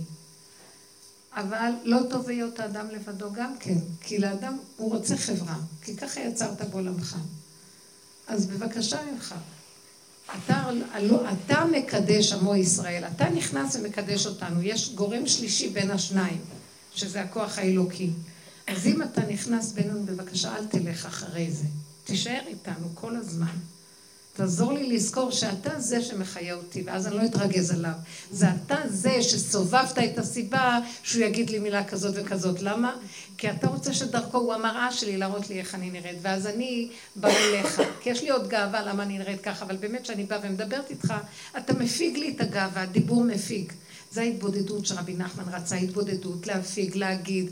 זה, זה, זה, זה כאילו, השם הוא ידיד נפש, הפסיכולוג הגדול, אב רחמן, איך אני נראית, אל תקטרגו על השני, דברו על עצמכם. ואז זאת האמת הפנימית שלי, ואז תרחם עליי ותעזור לי, ואז הוא מפיג, את, הדיבור מפיג את, ה, את, ה, את הצער ואת הסבל, ואז יש ביניכם, אז את כבר לא עליו, ואז עזבת אותו, הוא לא מאוים, אז השם ייכנס ביניכם, כי אחד בומרנג מול השני, אין להשם איפה להיכנס. הוא מפחד שלא יחטוף מכה מאיתנו. אז הוא בורח. ואיך עושים את זה מול ילדים? אותו תרגום, אותו תרגום מול ילדים. ילדים גם כן. ילד מרגיז, את אומרת לו, תשפוך את ההשפעה. הוא לא רוצה. למשל, בוא נחזור למה שאת אמרת. התינוקות בוכים ואת בתסכול. אני פעם דיברתי, אני דיברתי פעם בחינוך ילדים, המון שטחים ונושאים. אז מישהי גם סיפרה לי, אני אומרת לי, לא יכולתי לסבול כבר, שכבתי, אמרתי לה, תניחי את התינוק, תשכבי במיטה ורק דברי עם השם. תגידי לו, אני לא יכולה להכיל את הבכיות. אין לי כוח, אני רק בן אדם, אני לא יכולה להכיל. אין לי כוח לגשת ולטפל בהם. אין לי כוח. ריבונו שלם, אני לא יכולה לעמוד מול בכי מתמיד של תינוק, אני לא יכולה לעמוד בזה. מה כוחי? ככה את כל הכאב הזה שיש לך, תתוודי לפניו, ושבי באין אונים מוחלט, ותסבלי את הבכי, ותיכנסי אפילו ב... תיכנסי בבכי, לפעמים אנחנו בורחים. תיכנסי, תיכנסי, תראי, אני, הוא בוכה, הוא בוכה, אני לא יכולה להכיל, לא יכולה להכיל, תיכנסי בתוך העצמות שלך, אנחנו לא יודעים לעשות את התרפיות האלה, להיכנס פנימה. למה? כי עץ הדת זה מוח חיצוני, והוא כל היום, כמו איזה, אני לא יודעת מה, ממש נורא, הוא משגע אותנו חיצונית פה, כמו כלב שאוכל את הזנב שלו, ורעש. תיכנסי פנימה ותדברי איתו בעצמות, אין לי כוח, היד לא קמה לי, אני לא יכולה להכיל אותה. הרבה פעמים יקרה דבר מאוד מעניין, או שהתינוק ירדם או שאת תרדמי. ואז את לא שומעת כלום. ואז התינוק יירגע. תדעו לכם הרבה פעמים שהתינוקות בוכים, הם יודעים שההורים רחמנים ויקומו להם, האמא תקום, והם מנצלים את זה, זה מין בומרנג שאת לא מצאת. אבל אם תשכבי ולא תיגשי, את תגידי, תראו, פיקוח נפש, הוא אכל, הוא קיבל את מה שצריך, הוא בוכה. אני לא יכולה להכיל את הבכי. תהיי חזקה כמו אבן מול בורא עולם. ותגידי לו, גם אני תינוק. אני לא יכולה. אתה אבא שלי, כמו שאני אימא שלו, אתה אבא של כולנו. אני רוצה לישון, לא מעניין אותי, אני לא יכולה כלום, לא יכולה. אני אומרת לכם, זה עובד. כמה אנשים כבר סיפרו לי שהדיבורים האלה מעומק הלב קורה משהו. הוא, הוא שולח איזו סיבה. או שהתינוק נרגע וזה, שאת ישנה ואת לא שומעת כלום, ובסוף גם התינוק נרגע. כי יש גבול לכל דבר. מה אני יכולה לעשות? לא, לא עליי. תלונותכם, לא עליי, אנחנו לא יכולים להכיל הכל, זה גדלות האדם לחשוב שאנחנו... ואם הילדים עכשיו בוא ניקח ילד שמתחצף. ילדים שמתחצפים, עכשיו תראי, למה התינוק בכה? עוד פעם אני חוזרת. כי השם עוצר אותך אליו. התינוק הוא רק סיבה להביא אותך לתסכול. אז כל פעם שאת קמה לפתור את הבעיות, את לא נוגעת בנקודה. יהי רצון שכבר בבכי הראשון תלכי, כמו ילדה הכי מפונקת, תגידי, כמה הוא בוכה, הוא רק צייץ. ככה אנחנו צריכים לעבוד את השם. תגידו לו, גם הציוץ הזה גדול עליי, אני בת מלך. הסכמנו לסבול עד בלי די. וכשכבר באמת אין לנו כבר כוח, אז אנחנו צריכים, צועקים אליו. הוא אומר, חיכיתי לכם כבר מזמן, אתם לא צריכים לסבול בכלל. נקודה הכי קטנה זה מספיק. עכשיו אותו דבר, ילדים אה, מתחצפים. השם שלח אותם להראות לי איך אני נראית. קודם כל, שאני גם כן מתחצפת כל היום. אני מדברת לא יפה לבעל, או לילדים עצמם, ומה שהם שומעים הם מחזירים בחזרה. אז כשאת שומעת אותו מתחצף, אז תגידי, וואי, גם אנחנו מתחצפים להשם, אתם יודעים? כי אנחנו עושים בדיוק הפוך מה שהוא רוצה מאיתנו. אז כמו שהילד שלך מתחצף אלייך ואת ההורה, אני הילד של הבורא והוא ההורה שלי ואני מתחצף אליו. ואז אני אומרת, ריבונו שלום, איך שזה חורה לי וכואב לי, איך הוא מעז להתחצף ככה אחרי כל מה שנתתי לו. ואותו דבר גם השם, כמה הוא נותן לנו? מה הוא לא נותן לנו, וכל היום אנחנו רק מייללים. חסרי הכרת הטוב בכלל. מה כתוב בנביא, מה יתונן אדם חי, די לו שהוא חי. מספיק שהוא נושם אותך, להגיד תודה. מה לא, כל היום מייללים, אין לי מספיק וחסר לי זה, ואדם יושב, בתים מצוירים, איזה ארמונות, איזה שפע, איזה... וכל היום בוכה. זה היצר הרע הזה, זה עץ הדעת. אבל הרבנית, סותר לי קצת את מה שהרבנית אמרת קודם. כי בדיוק רציתי לשאול את זה על זה שכל הזמן לבוא ולהגיד די, אני לא יכולה. יוצא לי, ואז אחר כך אני מצטערת על זה, אני כאילו אומרת, יופי, את עכשיו גם מתלוננת עוד יותר, את רוצה עוד ככה? לא. כשאת אומרת לבורם, אני לא יכולה, זה לא נקרא התלוננות. זה? אמת. אני באמת לא יכולה. אז הוא אומר, את זה רציתי לשמוע מזמן. מי אומר לך שאת יכולה משהו? בכלל, גם לנשום את לא יכולה, ואת חושבת שזה... זה לא נקרא התלוננות. פה זה פינוק של התלוננות. אין לי זה, אין לי זה, אין לי זה, מביאים לו זה, אומר יופי, את זה. אתם מבינים מה אני מתכוונת? זה התפיסה של עץ הדת. אין אדם מת וחצי תאוותו בידו. מה שלא יביאו לו תמיד יבכה. פה זה לא ככה, פה אני מדברת על המקום ריבונו של עולם. אין לי כוח להכיל את החיים האלה. בואי, אני יכולה להגיד לו, אבא, אין לי כוח לסבול את המתלונן הזה שכל הזמן מתלונן. דברי איתו על נקודת אמת יותר גבוהה. מבינה? וכן, אדם מתלונן, אני אומרת לו, אני אתלונן, כי אין לי כבר כוח לסבול את החיים, אני בת מלך, ותראה מה נהיה ממני. תמיד אני אומרת, ילדים, נשים, עבדים ושוטים, שמו אותם בקטגוריה אחת בגמרא. כי ילדים יכולים לטמטם את ההורים, ואנשים הם כמו עבדים נהיינו. אנחנו עבדים, סליחה. הגברים אין להם ככה ממה שאנחנו חיים. כי אנחנו התפוקות גרמנו את זה לעצמנו. רוצים להראות לי שגם אנחנו גבר. כאילו.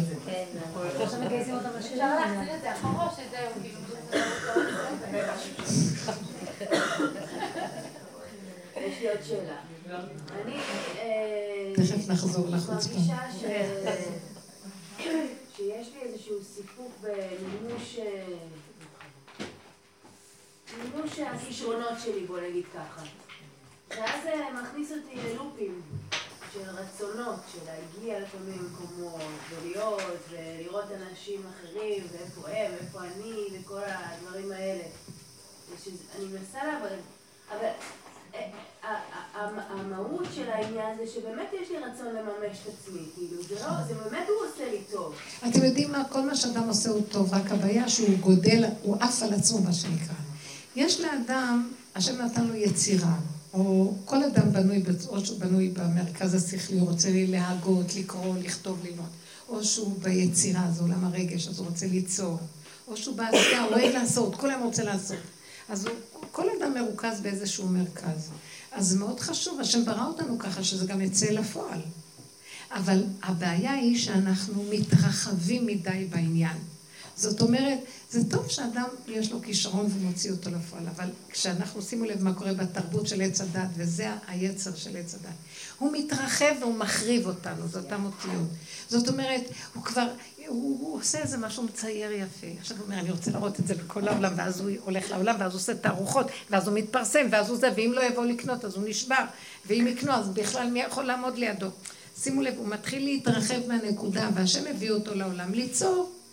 הוא הביא אותו לעולם, אפילו שיהנו ממנו, אבל בקטן הכל. והוא גם יכול אפילו להתפרנס, ובקטן ונחמד. הבעיה לא בזה, הבעיה ההתרחבות והיציאה מהגדר והגבול של כל דבר. כי כל מה שברא השם בעולמו, ברא אותו נכון וטוב. עץ הדעת גרמם, וייתם כאלוקים, נהיה גדולים. שימו לב, יש שיגעון הגדלות. נהיה, אם נהיה אומנים, אז אומנים גדולים. מפורסם, מפורסם הכי גדולים. הכי טובים, הכי... וזה הופך להיות... זה כמו תאווה.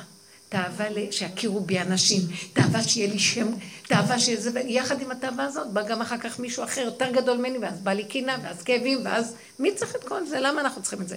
והבני אדם עד שלא חובטים בנו, ואנחנו אומרים לא, בשן ועין, והולכים לבית שלנו, אומרים לא צריך כלום. העולם מלא אנשים היום שמסתובבים ורוצים קצת הכרה ורצים, שימו לב, אחד שמתם לב מה קורה, וכולם יודעים על כולם, וכולם תקשורת כזאת, ואנשים השתגעו כבר.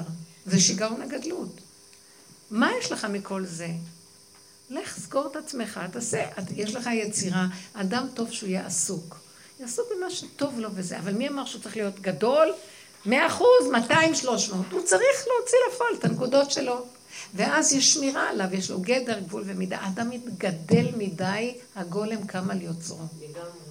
מדי התגדל, וזה הסבל שלו, זה לא מהשם. זה שהוא לקח את הנקודה הטבעית הפשוטה שהשם נתן לו ועשה ממנה גדול, גדול, גדול. ואני שיגעון, חולת שיגעון הגדלות, אין יותר חולה ממני. ואני ראיתי איך השם כל הזמן טרח, הך על הראש, הך על הראש. אז איך את עובדת על עצמך באמת לא לקבל את הגדלות? כי את בוודאי מכירת בארץ וכולי. איך אני עובדת על הגדלות? הוא אומר לי, אתם לא יודעים, הוא אומר לי, הולך לך לדבר, אה? אז הוא היה מביא לי ביזיונות. עכשיו הייתי באה ואומרים לי, בואי תדברי. עכשיו, אני רוצה להגיד להם תודה, וזה, וזה פתאום אני אומרת להם, כמה תשלמו? אז הם אומרים, זאתי, אין לה בכלל צורה, תראו איך נראית. ככה מדבר אדם של אמת, אז הוא מביא לי ביזיונות מכיוון אחר, אתם מבינים? כדי שאני לא אגנוב את הגדול. אתם לא מבינים. אתם לא מבינים, הוא מעמיד אותי בביזיונות לא נורמליים, בסוף אני אומרת לעצמי, טוב, תוריד ראש, הדיבור לא שלך, וזה לא שלך, מה שיקנו, תגידי תודה, ואיך שזה בא הולך וזה שזה כאן. כל הזמן הוא מעמיד אותי במקום, וגם הוא עוזר, אני אומרת לו, אבא, תרחם עליי, כי אם אני אגדל טיפה, רק הכיסא יגדל ממך, אני רוצה לשבת על הכיסא וגם להעיף אותך, סליחה על הביטוי. אתם לא מבינים מה זה האדם. מה? בטח, לא, זה חוצפה ליצר שעושה לי את זה. אני מראה לו, אתה רואה איך אתה מורד בהשם? אתה גם תעיף אותו מהכיסא. זאת האמת, אני מודה באמת, האמת שלי מאוד גרועה, ואז רק ככה אני נרגעת. אז אני אומרת, תקפלי את הזנב ותדברי ותשפריצי ותלכי הביתה ושלא תחזיקי טובה מעצמך, כי ראית מי את באמת. אל תוותרו על להראות לעצמכם מי אתם באמת. זה מביא הרבה שלום. קודם כל שהשני, ואנשים, לא, אני לא אומרת את זה בגלל, זה, אנשים הם מפסיקים להיות מאוים מאדם כזה, כי הוא כל כך לא מחזיק מעצמו. תבינו, זה הדבר הכי נכון. בבית הבעלים יאהבו אותנו. אני אומרת לכם, אני, אני, היה לי קשה מאוד, כי בעלי ואני, זה שני הפכים הפכים. וכשנכנס, והיה לא קל. כי הוא אדם יש לו את המעלה שלו ויש את שלי, כל אחד העניין שלו, והיה מין תחרות סמויה כמובן, בזוגיות יש, עד שבאה הדרך הזאת. ומדבר לדבר לדבר, זה רק כל הזמן להתבונן בעצמי ולהסתכל, אז נהיה לו מרחב וזה וזה, ואין מילה שהוא לא היה מתנגד אם אני לא הייתי אומרת, הוא היה מתנגד. אני אומרת ככה, למה? כי אני אמרתי, דווקא. נכון. משהו שאי אפשר להבין אותו, והבנתי שיש לו התנגדות אליי, כי אני גורמת את זה. כי אני לא שמה לב, אני, מה שנקרא, עפים על זה. אני מאיימת עליו באיזושהי צורה, הבנתם? אז אמרתי, אז מה, אני אמות? אז, כאילו, הוא אמר לי, לא, רק תורידי קצת, תכניעי, תכניעי. ואז אמרתי, אה, בהתחלה אמרתי, שהוא יכניע, לא, כזה. את, תמיד את המתחילה, זהו. והגענו למקום ש... ואמרתי לו, מה, הוא אמר לי, אני לא יודעת, שאלתי אותו משהו על משיח, אז הוא אומר, אם תגישי מועמדות, אני אבחר בך שאת והוא התכוון, כל כך רודף אחרי, אמר לי, אולי תלמדי אותי, תגידי עוד פעם איזה משהו שאמרת קודם, זה מאוד מעניין אותי. בחיים לא אומר את זה. עכשיו, רציתי להגיד לו, עכשיו תקפוץ, אני לא אלמד אותך. לא, זאת אומרת שמודים באמת זה מאוד חשוב. להודות באמת ולצחוק על עצמנו. אמרת שתדברי על איך כאילו מתמודדים מול ילדים, שילד מבזה אותך בצורה מאוד אה, משפילה, ושהוא אה, מורח את הזמן, ולא מקיים את מה שאתה מבקש ממנו משהו, או שאתה רואה בילד אה, כעסים מאוד גדולים שלא. עכשיו, אתה אומר, אתה צריך לראות את זה בעצמך, אבל כאילו... לא, אל תראי, בעצ... תראי בעצמך ותעבדי עם הנקודה שלך, והילד גם, כשאת עוזבת אותו ואת עובדת עם הנקודה שלך, גם הוא מתחיל, זה משפיע על ילדים. לא. ברגע שאנחנו לא מגיבים להם גירוי תגובה וצועקים עליהם, מה אתה מתחצף? זה לא עוזר כלום. אפשר פשוט... אבל כשאת נכנסת שותקת, קודם כל יש לך קצת כבוד. יותר טוב לא לדבר כשהילד... כשילדים מתחצפים, לא לענות להם. תעשי את עצמך מורמת, אבל בפנים תיכנסי לתוך... שימי ראש באדמה, מה שנקרא, ותתחילי לראות מיד. ותבקשי רחמים מהשם. תגידי, לא סתם אתה שולח לי את הביזיון הזה, כי זה אני לפניך. הילד יקבל משהו מזה, הילד מקבל בפנים, הוא גם כן מתחיל להיות אחרי שהוא יבוא ויגיד לך, אמא, סליחה. כי הם לא מבינים שהשם שם לו בתוך הנפש. אל תלכו בכוח החיצוני. לפעמים צריכים להעמיד ילד בגבול. אז מעמידים לו את הגבול, אבל בלי הסערה השלילית. כן. כאילו, אני אמרתי לך, וכאילו כל הרגש של הנקמה יוצא החוצה. לא.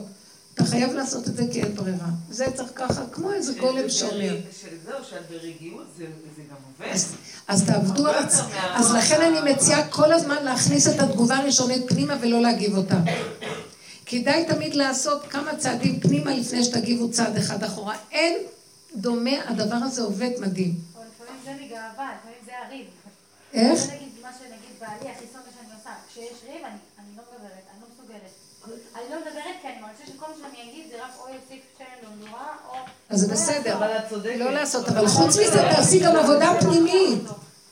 הוא אומר לי, תצעקי, תשברי מזה, תתברי, אל תשתקי, אני לא יכולה... כי הוא לא יכול לסבול את זה שהוא לא ברוב. את צודקת. לא, הוא לא יכול לסבול, הוא בטראנס של מריבה, והוא לא יכול לסבול שלא תריבי איתו. את לא מבינה, את לא מספקת לו את מה שהוא רוצה, והוא הולך למות מזה. אז במקום שהוא יראה איך הוא נראה ויעשה עבודה, תעשי את את העבודה. כי הם לא יעשו עבודה. אבל אחרי שאת תעשי עבודה, הם יגיד סליחה. הנקודה של העבודה שלך זה לראות, תראי איך את שותקת פנימה. זה בעצם לא שתיקה של אה, רחמנות, או של... זה אכזרי. זה שתיקה אכזרית של נקמנות, שאני לא אפרגן לך מילה. זה מטמטם את השני שהוא באמצע טראנס של לריב. עכשיו זה נבלה וזה טרפה, לא חשוב. אבל אנחנו רוצים את האמת, לא זה ולא זה. תשתקי, כי את לא יכולה לענות, ובפנים תיכנסי פנימה ותגידי, את ממש מתנהגת כמו נבלה. תודו באמת, השם אוהב את זה, שתהיה הכי גרועה שיהיה. ואז תגידי לבעלך, אני לא יכולה לסבול את עצמי שאני לא מפרגנת לריב איתך רגע מתוך אכזריות, אתה לא מבין? עכשיו, הוא, לא מאמין מה שאת אומרת. הסטת את כל הבלגן אלייך, ואת אומרת, אני אשמה בכל הסיפור, הוא ישתחווה לך אחרי רגע, מה קרה לך? אתם לא מבינים שזה עובד הדבר הזה, אבל הבן אדם, יש לו גאווה, הוא לא מוכן להודות. תגידי לו, אני שומעת מה שאתה אומר, ואני בטבעי שותקת, ואני פתאום רואה שזו השתיקה הכי אכזרית, אתה צודק, אני צריכה להגיב. ושיהיה לך קצת איזה משהו להוציא את האש, אבל אני לא מסוגלת לפרגן את זה. כי יש לי בעיה, אתה לא מבין שיש לי בעיה? עכשיו תעזבי אותו ודברי רק על הבעיה שלך. הוא יבוא להגיד לך, מותק, ממי, אני מבטיח לך, אין לך בעיה, בעיה רק שלי. בואי תראי איזה בעיה לי יש. וככה נהיה שלום בית. זה בדיוק מהלך הפוך. הודאה באמת יוצרת מציאות של תיקו. כי ברגע שאת מתחילה להתווכח ולהוכיח את השני, אז הוא יוכיח לך שאת לא, ואז זה לא נגמר. אם מגיעים לנקודת האמת, זה גורם לזה שהשם הוא מוציא את הסיבה? גילוי אמת זה גילוי השם. כשמגלים את נקודת האמת ומתוודים, זה יום הכיפורים. כי ביום הזה יכפר עליכם לתאר אתכם מכל חטאותיכם, לפני השם תתארו. השם מתגלה כשאת מתוודה על האמת, שתהיה גרועה ככל שתהיה גרועה. לא צריך לפני אנשים, בינך לבין עצמך. ואת מתוודה, ומול השם, עכשיו הוא ישים בלב, בלב כולם שאין עלייך, ואת הכי מדהימה וכולם יאהבו אותך. זה עובד. תעבדו עם עצמכם, בנות, זאת האמת. לא, האמת נמצאת, אמת מארץ תצמח, והארציות היא בתוכך, אין בשמיים, לא בשמיים היא, לא מעבר לים ולא בארץ רחוקה. אתם לא מבינים שזה ככה זה עובד? בואו ניכנס, רוצים את האמת, גילוי השם והגאולה האחרונה זה גילוי האמת, והאמת היא פה, לא בשמיים, נסגרו השמיים. תרדו מהקומות, אין מגדלים, הכל הולך ליפול. בתוך האדמה של האדם יש, בתוך הבשר שלו, זאת האמת. מבשרי אחזה אלוקיי. ככה אומר איוב. כן, זו האמת הכי גדולה. שם יש, השכינה נמצאת למטה. אומרים, צמח דוד עבדך תצמיח. הוא צומח מלמטה. זה לא מהמוח, הגאולה הבאה לא תהיה מהמוח. הגאולה הראשונה היא באה מהראש, גאולת הדעת. גם התורה היא תורת דעת. הגאולה הבאה תהיה תורת הבשר. מהבשר יבקע הכל. קול קורא פנו דרך, פנו דרך. ישרו מסילה. בתוך האדם זה כל הקול הזה. שופר בתוך האדם. כן. כאילו, אז יש לי ילד שאני מדברת איתו, וממש, יכול להגיע למאות פעמים. ותעשה כביסה, תעשה כביסה, תקלה כביסה, תוריד כביסה. יעשה הכל, הוא יפתח מסילת ישרים, ישמע, יעשה הכל. חוץ מדבר אחד, לעשות כביסה. אז היום כבר ממש כאילו... הוא יעשה הכל חוץ מכביסה? אצלי הוא עושה, לא עושה כלום חוץ מכביסה. מה זאת אומרת? אז תגידי תודה שהוא עושה את זה.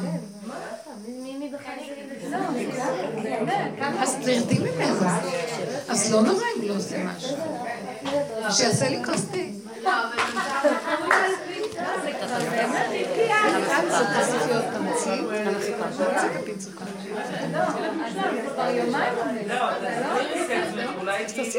אל תהיה עקשנית. אז תראי את עצמך כמה את עקשנית. סליחה. הוא עושה הכל חוץ מזה? זה לא מטלות של הילדים.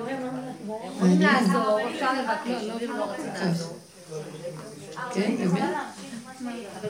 שזה מה שמרגיז אותך? אז תסתכלי על עצמך. יש לך קצת כאן בעיה. תסתכלי ותראי כמה הוא עושה, וכל זה אינו שווה לי. איך המן אמר? כולם משתחווים לו, רק מרדכי לא יחב לא ישתחווה, וכל זה לא שווה לי. זה קצת משהו כזה. זה מין עקשנות של איזה משהו של לראות דווקא איפה לא. אז קחי את זה להשם. בוא נגיד, לפי הדרך שלנו, תעזבי את הילד ותגידי לו, אבא, תראה את הנקודה שלי. יש לי בעיה, ועוד השם מתעקש איתה שהוא לא יעשה. מה שהיא לא עושה, הוא לא יעשה. כי השם מחפש אותך. אז תגידי להשם, תראה ריבונו שלם, הבעיה היא שלי. תן לי להרפות מהדבר הזה שלא יעשה, תגידי תודה שהוא עושה הכול. זה הבעיה שלי. זה לא, הנקודה של... לא, לא זה עושה הכול. יעשה מלא דברים סתם. אבל רק מה שאני מבקשת. זה מה שאני עושה. אז אל תבקשי ותראי שהוא יעשה. תודה רבה, שוחטתי. צריך להאמין בזה. צריך להאמין בזה. אם אני אומרת לא, אם אני לא אגיד, אולי לא יעשו. כי ככה זה הרבה סתם לעשות את זה כתרגיל, לזכות. מה, זה לא פשוט. שחררי, שחררי. אני אומרת לבת שלי שקרוב, תקבל קצת כלים. בעצם גם אין לי מי לדבר. אם הייתה נותנת גם לא ללמוד, גם אבל שימו לב, אנחנו לא מחפשים פה פתרונות. רק שנייה, בעבודה שלנו אנחנו לא מחפשים פתרונות בטבע הפסיכולוגי, מה לעשות כדי שהילד יעשה. אנחנו רוצים לראות איפה האמת שלנו, כלומר, השקר. כי אנחנו מהדורי אמת, אין לנו אמת. אז יש לנו נקודת שקר שמפריעה. מה השקר שלי? העקשנות, ואני כועסת, מה שאני אגיד לו, הוא לא עושה. למה אני כל כך מתוסכלת שמה שאני אומרת לא נעשה? והשם אומר לי, כל מה שאני אומר לכם אתם לא עושים. קולי אינו נשמע. כי אני עבד של הבית, כי אני עושה הכל, כי אני רצה אחרי כולם. אז הוא כועס עלייך, למה את עושה ולמה את רצה אחרי כולם? את יודעת מה? כי אנחנו, אז שימי לב, אם תתבונני ותראי, כי נכנסנו לטראנס של שליטה וכוח. וזה לא מאת השם הדבר הזה, זה גם לא מחויב שיהיה ככה. כי זה דור של שליטה ומושלמות, ושיהיה הכי נקי והכי טוב והכי זה והכי זה והכי זה, והשם אומר, תרפו כבר, לקראת מה אתם רוצים? הלא המושלם הזה מחר יהיה עוד פעם מלוכלך, ועוד פעם מלוכלך, ועוד פעם מלוכלך, ואת פקעת עצבים, וזה לא בשביל זה הבאתי אותך לעולם. הוא גם בי את הרצון הזה למושלמות ולזה, ואת הדור הזה, יצר שגורם לעשות בעבודת לא, השם. אני רוצה להגיד לכם דבר, הוא לא הביא לנו את זה. הוא הביא לנו נקודה קטנה והעולם קלקל את זה, את לא מבינה? עכשיו הקלקול שלנו, ואז הוא רוצה שתגידי, ריבונו שלנו, מתי הבאת את העיקרון שאנחנו רוצים להידמות לבוראנו, ואף פעם הנברא לא יכול להידמות לבוראו. רוצים להיות שלמות, ואתה שלם, אנחנו תמיד חסרים. הנברא חסר, ואתה המשלים של החיסרון. וזה המתאים. אז אנחנו קפצנו למקום שלא מתאים לנו, ולא יכולה לצאת מזה. אבל אכלתי מעץ הדת ואני תקועה, תעזור לי. על זה אני בוכה כל הזמן. אבל לא, למה אתה לא מסדר לי שאני אהיה מושלמת? כי זה הקלקול שלי שאני רוצה להיות מושלמת, זה כל החטא ועונשו. הלוואי והיינו פשוטים, לא רוצים מושלמות. מה יתונן אדם חי, די לו שהוא חי, תראו לאן הרמנו ראש. הקליפה קמה על יוצרה. השם מסתובב ברחובות קבצן, ואנחנו יושבים לו על הכיסא, זה פשוט. ואז אנחנו את זה נגיד להשם, אוי לי, כי אנחנו גרמנו את המצב הזה, וריבונו של עולם, ובכל אופן, אתה השם, ואנחנו רק בשר ודם. ולבריאות, ורק אתה יכול, על ידי זה שאני לפחות נוגע בנקודת האמת ומתוודה, תפתח את השערים ותתגלה עליי ותציל אותי מהמצב שלי. כי הוא מחכה שנתוודה, הוא לא יציל אותנו עד שלא נגיד לו, הנה הפצע, הנה הפצע. כאילו, הרופא, שאת באה אליו, הוא אומרת לו, כואב לי. הוא אומר, איפה? לא יודע. הוא רוצה שתדייקי, תתחיל לחפש עכשיו. השם יודע הכל, אבל הוא רוצה שאת תדייקי איפה הפלונטר, כי ברגע שאת מדייקת, נפתח הפתח. כי איפה את רואה שיש שקר, מאחוריו מסתתר השם, כי אין שקר בלי אמת, ואין אמת בלי שקר. זה תמיד דבר והיפוכו, אין דבר זה בלי זה. אז אם את תופסת את השקר ומתוודה עליו, מיד מתגלה האור של השם. והוא יושיע אותנו, תגידי לו את האמת. מה קורה, איך, איך מזהים את זה שהאור של השם מתגלה? איך? מזהים את זה שהאור של השם... נהיה לי רגיעות, אתם יודעים מה זה שלווה. נהיה לי שלווה ורגיעות, התפרק לי העצבים, ואני נהיה קטן, ואני מרגישה שכינה מתרפקת עליו, ואומרת לו, אבא, כל כך מתוק להיות פשוט ונקי ותמים, בלי כל היומרות והרצונות והשאיפות, ות... מה יש לנו מכל זה? שאיפות ויומרות וגדול... תגידו לי, הדורות האחרונים, ילדים צעירים כבר אין להם כוח לזה. אני אומרת לנכד שלי, תהיה צדיק! הוא אומר לי, אני לא רוצה. אני רוצה סתם להיות ילד פשוט. אז אמרתי, אז אבל פה הגבול, נגיד אם, סתם דוגמה, בעל, יש לו משהו שהוא מאוד חשוב לו, שאת יודעת שישמח אותו או יכניס אותו לא תעשי, סתם דוגמה. מצד שני, לא בא לך לעשות את זה. אז יש פה הגבול אם לעשות או לא לעשות מה שאת לא מרגישה צורך ו- ונוח לעשות, זאת אומרת, אז לעשות או לא. למה את צריכה לעשות לו כדי שיהיה לו טוב? לא, אני יודעת שזה יהיה לך יותר. למה את צריכה לעשות לו שישמח אותו? רק אם משמח אותך, בדיוק. רגע, תתחילי מזה, משמח אותך? כן. לא, אבל בעל כוחך לעשות לו שישמח אותו, זה אין מערכת עקומה. אל תלכו על ניסוי מהסוג הזה, ואל תתבלבלו. כי ברגע שאת הולכת עם האמת, הוא גם יעריך את האמת שלך. זאת אומרת, אני לא יריע לו, אבל אני גם לא אלך לעשות לו על חשבוני משהו ש... כי מה, זה מה- בסוף... אז מה לעשות? מה- שיעשה זה לבד. למה את צריכה לחשוב עליו בכלל? מי הוא בכלל? המוח צריך להיות ריק, ורק את ובורא עולם. עכשיו הוא נכנס לחלל הזה, בורא עולם מתגלה עליו. מה שעלייך, עליו. אין יותר מתוק מזה. כשאת חושבת על בני אדם בכלל. אם תחשבי, מה? אז סתם. מעצבן אותו שנשארת כוס על השולחן של בבוקר. סליחה? ולא בא לי לקחת את הכוס עכשיו. עכשיו אני רוצה לשאול, אתם רואים איך לא. יוצרים את הוא הצרות זה. סליחה, שמתם לב, המלך אמר, לא בא לי הכוס הזו. עכשיו, אני באופן טבעי, האישה היא כמו, באמת, יש לנו משהו שמפחד מהגברים, בתת הכרה. כי זה הקללה, ואלישך תשוקתך והוא ימשול בך. ותדעו לכם, הקללה הזאת, חייבים לפרק אותה. לא, כי הקללה היא... כתוב, וכאשר תריד תפרוקו לו מעליך. כאשר מה זה? מאיפה אני יודעת שהקללות האלה שכולנו בהן מצווה לפרק אותן? נכון כתוב על הגבר, הוא מתקלל בזיעת אפיך תאכל לחם, והאדמה תהיה קשה ולא תאכל. הנה אוכלי המן לא יצאו מפתח הבית ולא הלכו להתאמץ בשביל הפרנסה והקיום שלהם. עד הפתח הגיע אליהם הפרנסה, הם פירקו את ה... על ידי האמונה הם פירקו את כל הקללה. הם אמרו, אבא, רק אתה נותן. חזרו למצב שלפני עץ הדת, שהמלאכים מביאים להם ומשרתים אותם. איך הם הגיעו לזה? שמה הם עשו? באמונה. הם התעקשו לא ללכת אחרי המוח שאומר, בזה אתה בך, הם נלחמו עם עצמם, אמרו, לא, אני לא אלך, ואין לך לאכול מחר. אם לא תלך ללקט היום, מאיפה יהיה לך מחר? לא רוצה ללקט, לא רוצה כלום. אני פה והשם יביא עד אליי. וזה המלחמה עם היצר של הפחד והחרדה. אז הם הגיעו למקום הזה, משמע שגם האישה צריכה לפרק, כולנו צריכים לפרק, בדור האחרון, אבל עכשיו תראו. אבל צריכים לפרק. הכל, הוציאו אותם כל מה שהם... הם ראו, גם ראו בעיניים, ניסים. אז הם אמרו, אנחנו רוצים מים, אנחנו רוצים אוכל, כאילו דיברו למשה, היה להם את משה. נכון, זה לא אל תדאג לנו. חי, הנה, פה, נמצא. לא, לא, משה לא רצה לדאוג להם, הוא אמר להם, תדאגו, תלכו. הם רצו, השם רצה שהם יפנו. משה רבנו, הטעות הייתה זה שהשם, משה רצה לקשר אותם להשם ישירות כל אחד. כן. והם אמרו, לא, לא, לא, אתה תהיה האמצעי. זה עצלות. כאילו, משה רבנו רצה לי שכל אחד ואחד אה, יש מקום בתורה שכתוב, שאלדד ומידד התנבאו במחנה. היו שני אנשים מהזקנים, שבעים הזקנים של הסנהדרין, שבית דינו של משה, פתאום קיבלו רוח של נבואה, כי השם אישרה עליהם את הרוח, כי משה ביקש שלכל הזקנים יהיה רוח של קדושה, ואז פתאום שתיים התחילו להתנבא. אז אה, יהושע, שהיה הנער שמשרת, הנער, כאילו המשבק, מה שנקרא משמש בקודש של משה רבנו, הוא רץ אליו ואומר לו, אומר לו, אדוני משה, כלאם, תכלה אותם כי הם מתנבאים כמוך, רק אתה צריך להיות נביא, מה פתאום שהם קמים ומתנבאים, מה יהיה? רק אתה הנביא שלנו.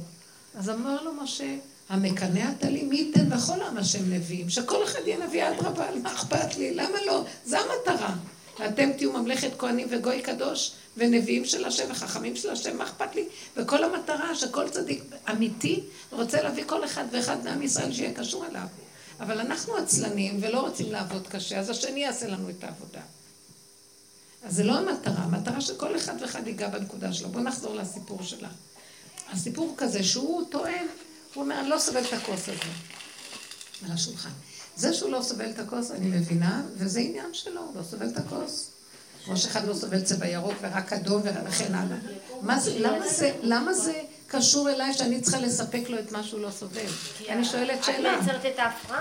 אה? כי את מייצרת את ההפרעה, את שמה לו משהו שהוא לא אוהב. ואת יכולה להסיר את תגידי, את שומעת מה שאת אומרת? לא, אני לא. את שותה מים. לא. סליחה, הוא שתה והשאיר את הכוס. לא, אם דיברת, לא, זה על הכוס שלה. הכוס שלה. וגם הוא קורא לו שהוא נשאר, אז מה? סליחה, גם אתה משאיר לרגע. אז עכשיו, בן אדם צריך לדעת, מפריע... רגע. בן אדם בטבע, אמיתי, אם הוא רוצה לעבוד על הנקודות שלו, אם הוא בעל מעלה של מדרגת אדם, משהו מפריע לו, אז הוא לא צריך להגיד, תעיף את ההפרעה כי מפריע לי. אלא הוא צריך לעבוד עם ההפרעה ולהגיד, מה מפריע לך, תתאפק. לא נורא, קח את הכוס תוריד. מפריע לאדון, והיא צריכה להוריד את הכוס. כל אחד שיוריד את שלו. אז עכשיו לא צריך להתווכח, ולא צריך לריב, ולא צריך להתחצף, חס ושלום. אבל תסתכלי על התנועה שלו ותגידי, איזה התנהגות. אני לא באה עכשיו להגיד כמה... תראו, אני לא הייתי רוצה לחיות ככה. זאת אומרת שאם משהו מפריע, וגם אנחנו מתנהגים ככה, הילד, הנה לך הפריע שהילד לא מקשיב לך, שלא יקשיב. עכשיו, מפריע לי, אז אני מפנה את הכאב להשם, אבל לא לשני וכועסת עליו, למה הוא לא עושה מה שאני רוצה? אבא, אני אומרת לו, זה הטיפול השורשי. מפריע לי שהכוס נמצאת פה ולא מורידים לי אותה. אז תקשיבו רגע, שמעתם איזה הזוי זה? אז השם אומר לו, סליחה, אז תעבוד על עצמך, תירגע. אז תעבוד על זה, שלא יפריע לך כלום. מה אתה רוצה מהשני? שישרת לך את ההפרעות שלך? זה, עריצות? ככה נולדו עריצים בעולם? וככה, שכתוב והוא ימשול בך, זה מצד הקללה. זה עריצות, אף אחד לא צריך למשול על אף אחד באמת. והם היו לפני החטא, לא היה להם קללה כזאת, וחבל לא הייתה צריכה שאדם ישלוט בה, ולא היא תשלוט בו. כל אחד כמו אשת חיל, יש לה תפקיד שלה, ויש לו את שלו, ומאוד יפה, כל אחד עושה את שלו, בלי שליטה וכוח, וחרדה ופחד של האדון על העבד. אז זה משהו שהשם לא רצה, זה כתוצאה מההתנהגות שלנו נוצר. עכשיו, את לא צריכה להגיד לו את זה. כשמשהו מפריע לך שהוא לא עושה וקורה, אז תראי כמה שמפריע לך ואת לא יכולה לסבול. אז תגידי, ככה אי אפשר לחיות. תביני מה קרה בזוגיות? כל אחד צריך לספק לשני את מה שהוא רוצה.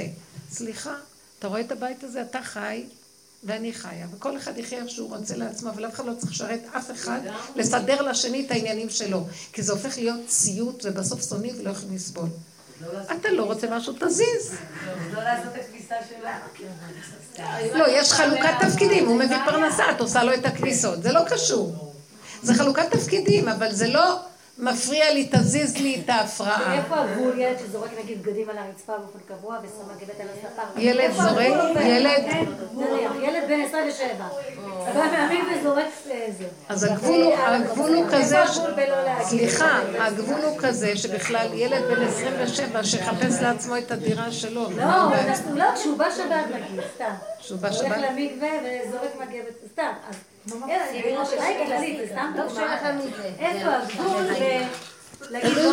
תלוי במדרגת העבודה שלך. הרבה פעמים מדרגת העבודה שלי זה לראות, אני מסתכלת על זה אחרת. אני יכולה להגיד לו תרים. אבל גם אני אומרת לעצמי, תרימי, ותדעי שכמה את זורקת דברים, והשם כל הזמן רץ לסדר לך בחיים. אם היית רק יודעת, לא היית יכולה ללכת ברחוב. כי יש כאן בור, ופה נחש, ופה אבן, הוא מסדר לך הכל ומוליך. אתה גם תעלי מעין ותרימי, אבל אל תהיי נגדו, ואל תתרכזי עליו. אנחנו כל הזמן עושים חשבונאות. בואו נוריד את החשבונאות ונעשה בפשטות. ואם זה עבר את הגבול, אז הרבה פעמים אני ראיתי שאני צועקת להשם, אבא, אני כבר לא יכולה ואני לא רוצה להעיר לאף אחד, אבל אני רואה שהשם השם מסדר שהם ישימו לב. אני רוצה מאוד להיות קשורה עם השם, ושהוא יגלה לי שהוא חי וקיים והוא מסדר לי. נמאס לי כבר להגיד לאנשים ולהזיז אותם, אני לא רוצה. אם היינו קצת סובלים, מקבלים ועובדים מול בורא עולם, אז הוא רואה את הכאבים שלנו, הוא רואה את ה... שלקחנו על עצמנו אובר, והוא רואה את העינונים שלנו, והוא רואה שאנחנו בעצם תחת שעבוד. כן, אנחנו תחת שעבוד. כי אנחנו רואים, איזה הוא רואה? אני רואה. אני רואה איך כתוב הפסוק הזה, אני עשיתי, השם אומר, אני עשיתי, אני בראתי את העולם, אני עשיתי, אני אשא, אני אסבול ואני אמלט. אני גרמתי את כל העלילת דברים הזאת פה בעולם, כולם סובלים. השם אומר על עצמו, אבל אני אשם על כל הסיפור הזה. וזה האדם צריך להגיד על עצמו, אני גרמתי את הכל. האדם הראשון אכל מעץ הדת והכל ככה נראה. אז האדם צריך להודות לפני השם, אני תקוע. מספיק גם להעיר אחד לשני. את יכולה לקחת את הכוס ולשים, אבל כשאת לוקחת את הכוס שבעלך אומר לך, תראי כמה אנחנו מפונקים וכמה אנחנו כל הזמן מסדרים לשני. ואת צריכה גם לתת קונטרה, לא לעשות את זה מתוך החרדה אליו, רק מתוך זה שאת מוכנה לשרת את השני מתנת חסד וחינם, כי גם השני משרת אותך והשם כל הזמן משרת אותנו. אבל לא מתוך חשבונאות, או מתוך חרדה. כי זה לא טוב שאישה חרדה מבעלה, היא, בור... היא בוגדת בהשם. כשאדם חרד מהאדם השני, הוא כאילו בוגד בהשם. כי השם ברא אותנו, בנים אתם להשם חופשיים אליו, ועשינו את עצמנו עבדים של בני אדם. כתוב פרשת משפטים, כי תקנה עבד עברי. מה זאת אומרת כי תקנה עבד עברי? הוא עוד לא, הוא עוד לא עבד, כי תקנה, אתה רק הולך לקנות אותו, אז הוא עוד לא עבד, עד שעשית חותמת קניין אז הוא עבד, אז למה היא קוראת לו התורה עבד עברי? הוא עוד לא עבד. כי תקנה בן אדם שרוצה למכור את עצמו לעבד, כי אין לו כסף לשלם את הגניבה שלו. אז למה הוא כבר קורא לו עבד? כי ברגע שהוא רק חושב ללכת למכור את עצמו למישהו, כבר הוא עבד. הוא עוד לא עשה חותמת, עוד לא כלום, אז עברי, הוא כבר, אני בראתי אתכם להיות בנים שלי. בני חורין אתם, בנים להשם, ואתם הולכים להזכיר את עצמכם עבדים? וגם אמרתי לך, מה התחתנת אותו? לא, אני צוחקת, כי ככה זה העולם. אז העבודה שלנו היא להבין שאנחנו בעצם בסך הכל לא... כל העבודה היא להכיר את עצמנו, ואם משהו מרגיז אותי מהשני, יש לי נקודה בו. נכון שהשני מרגיז, אבל אין לי עסק לתקן אותו. יש לי עסק לראות את עצמי. אז עכשיו בעבודת, אני עזרתי הרבה להרבה נשים שהן נורא מפחדות מהגברים ורוצות שלום בית והכל. שלום בית לא בא מזה שאת רוצה ואת עושה כל מיני פעולות של עבד לרצות. שלום בית זה שאת עם עצמך ובורך מחוברת נכון. מוכנה להודות בנקודות שלך ואת עובדת עם השם. זה עושה שלום בית. אז זה לא לעבוד על השני. אני אמרתי, אין עבודה על זוגיות, אין זוגיות בכלל. אנשים לא אוהבים את הדיבורים שלי לפעמים. מה זה אין זוגיות? תפסיקו לעבוד על הזוגיות, כי אין כזה דבר. יש, את עושה את שלך, הוא עושה את שלו, כי את תמיד המתחילה, ואם את עובדת נכון, גם הצד השני זה חצי של שלם. אם את עושה ככה, אז גם הצד השני יעשה ככה, והשם יופיע ביניכם. כל אחד עושה את שלו, השם יעשה את שלו. אבל את לא תלכי לעבוד על השני עכשיו. אה? לעבוד את השם דרך הבעל. ממש, הוא רק סיבה. בדיוק, הוא רק סיבה. הכל זה רק סיבה. ילדים זה סיבה, בעל זה סיבה, נפלנו באיזה נקודה, זה השם שלח את זה להראות לנו חסר זה, זה סיבות. הכל זה סיבות של השם. השם קורא לנו. איך? כן. תדעו לכם שכל מה שקורה להזיז אותנו מהקו הרגיל של מהלך החיים ה... כאילו, שאין בו הפרעה, זה השם קורא לי, הוא עוצר אותי, הוא אומר לי, תשובי אליי. את רצה רחוק, לאן את הולכת? ואשרי מי שעוצרים אותו. כי הנחש לא עוצרים אותו, לך, לך לדרכך. הולך לו הכל חלק. לפעמים אני אומרת לו, אני רוצה להיות נחש, זה כיף. אין לי כוח כבר לעבודו. למה כיף זה? כי... ללכת על הגפון? שילך הכל חלק. בסוף כן, זה נהיה ככה שהשם עושה הכל חלק, זה רק להתחלה, זה ככה של עבודה. כי הבן אדם רוצה להיות כמו ילד שמפנקים אותו ונותנים לו הכל. ככה ברא אותנו, כן. שאנחנו נהנים מזה שמפנקים אותנו ונותנים לנו, למה לא? למה שזה יהיה קשה? בסוף כן אנחנו רוצים שהכל ילך חלק, אבל תנו קודם עבודה. אז עכשיו עם הילדים שמתחצפים, לא לדבר הרבה, לא לדבר, לבלוע. והילד הזה לא מקשיב, לא מקשיב, גם אחרי זה שאת שותקת ומעבירה את זה להשם, משהו אצל הילד לא מרגיש נוח, וגם אחרי כמה זמן הוא בא, מבקש משהו, לא תמיד הוא יצטרך ממך משהו. תעשי לו את מה שהוא עשה לך, אבל לא מתוך נקמנות. אני... לא להקשיב לו. אמא, את לא מקשיבה לי, אמא, את לא מקשיבה לי. אין כוח להקשיב לך. אתה תעזור לי, אני אעזור לך. אתה לא עוזר לי, אני לא יכולה לעזור לך. דברי איתו כמו אדם קטן. תשמעו, היו לי הנכדות אצלי בבית לשבת. ההורים נסעו קצת לנוח, ואני שאלתי אותם, אתם נראים שאתם לא ישנים, לכו לנוח. אמרתי לכם את זה? לכו לנוח קצת וזה, ולא התכוונתי למה שאמרתי. הם הלבישו את זה עליי, שאני אסדר להם איפה לנוח והכל, וזה גם שאני אשמור על הילדות. טוב, אמרתי, מה אמרתי? למה להתנדב לכלום? טוב, לומדים מזה. אז הם הלכו, והילדות הקטנות נשארו. אז תראו, זה קשה כשההורים הם קטנים, אחד בת שנה וחצי, השני תשעה חודשים. עכשיו אני רואה... הקטנה, אני נותנת, זאת בת שנה ומשהו. השם רחם עליי, ובא מישהי בדיוק להתארח אצלי, ביקשה להתארח ואמרתי, מעולה, בואי להתארח. והיא נשארה לעזור. אבל הקטנה, בת שנה וחצי, אני עושה לה בקבוק, והיא לא רוצה לשתות אותו. נותנת לה משהו, לא יכולים, לא רוצה. אז ככה הלך איזה, ככה, שלושת רבעי שבת. והיא מתוקה, והיא רגילה אליי ואוהבת אותי והכל, אבל היא קצת הייתה עצובה כזה, איפה אבא, איפה אימא, ולא רצתה. היה איזה שלב שממש נדנדה, והיינו נותנת לה בקבוק עוד פעם, שופכת אותו כבר כמה, כמה זמן, חבל זה להתקלקל, עוד פעם לעשות לה עוד.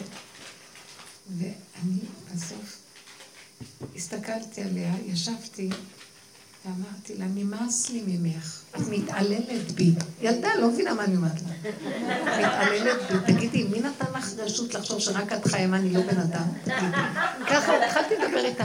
מתוך הכאב שלי, מה את חושבת, שזה הפקרות פה? אני עושה לך בקבוק, את לא רוצה, וזה את לא רוצה. אני מאוד דואגת שתאכלי, ההורים שלך לא פה. לפחות תרחמי על הדאגה שלי, תעשי בשבילי, לא בשבילך. קחי את הבקבוק ותאכלי, מה זה פה? אני לא יכולה לסבול אותך כבר. תקשיבי. זה לא חיים ככה. אני מדברת איתה כמו אחת בת מאה, כאילו יושבת לידי אחת מבוגרת ומבינה. ואני אומרת לה, די, אין לי כבר כוח לזה. ואז היא מסתכלת עליי. היא הייתה עמומה, היא לא הבינה, אבל האינטונציה וכל ה... ואני אומרת לכם איזה שלוש דקות של דיבורים קשים. אכזריות יש בך. את רק חושבת על עצמך, לא מעניינת אותך מאף אחד, רק אני ואני ואני ואני. ומה איתי אמרתי לה? כל מיני מילים. בסוף, היא מסתכלת עליי ככה, לוקחת את הבקבוק, יושבת לידי, מתרפקת עליי, שמה את הראש ושותה את הבקבוק. אמרתי לה, אה, ככה צריכים להיות בן אדם, מה זה פה הדבר הזה? ואז ראיתי שהילדים מחכים מתי ההורה יגיד את נקודת האמת. ולמה הם כאלה? כי ההורים כל הזמן, רק הם מצייצים, ישר רצים אליהם, רק זה מוצאת. ואיך הם מפחדים ששמא הם יקום מהשינה והם חיים בבעתה ופלץ, שמא מישהו יקום להם באמצע השינה על הילדים, אז הם והילדים דווקא קמים ודווקא אמרתי להם, אתם גורמים את כל הבעיות שלכם, אתם לא מבינים? שיהיה רעש, שיהיה אור, שיהיה הכל, תנו להם, ואל תלכו על המקום הזה. הם משעבדים אתכם, אתם לא מבינים? את אשר יגורתם בא לכם. אל תלכו ככה. ותגידו להם את האמת, תראו להם גבול. גבול. סליחה, אחרי רגע הוא יבוא, ירצה משהו, גבול. אין לי כוח, אין לך כוח לעזור לי, גם לי אין כוח לתת לך. אין להתווכח. אמא, אבל אני רוצה. לא לענות. חזק, לא לענות, לך, תעוף מהחלון, לא מעניין אותי כלום, גם אני בן אדם. לא, אתם לא מבינות מה קרה בדור הזה. מרוב פסיכולוגיות והנפש של הילד והנפש של הילד. הילד הזה הפך להיות עריץ. לא מעניין אותם אף אחד מגיל הכי קטן. ואנחנו גורמים את זה. והילדים טובים, אנחנו הורסים אותם.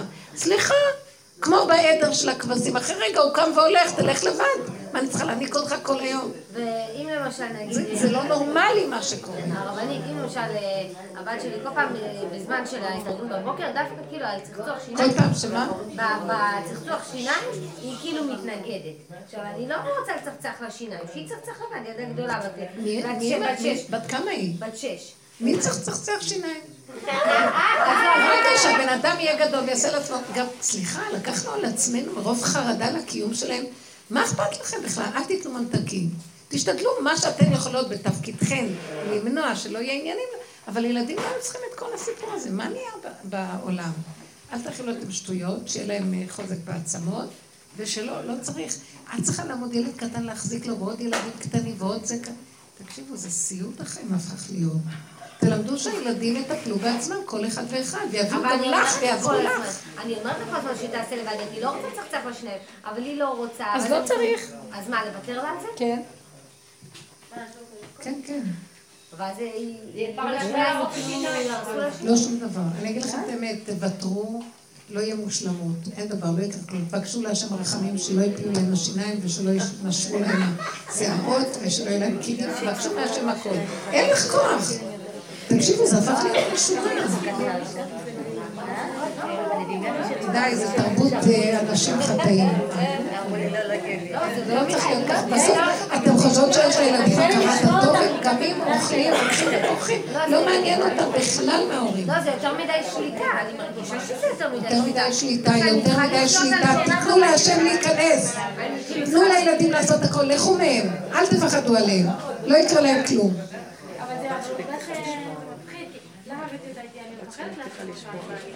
היי, בעלך הוא עוד הכי קרוב שיש. למה? תשעה חודשים אני מניקה אותה, היא איתי בכל מקום. למקווה היא תבוא איתי גם. את גורמת, אז מה נעשה לך? אבל מה אני... את גורמת.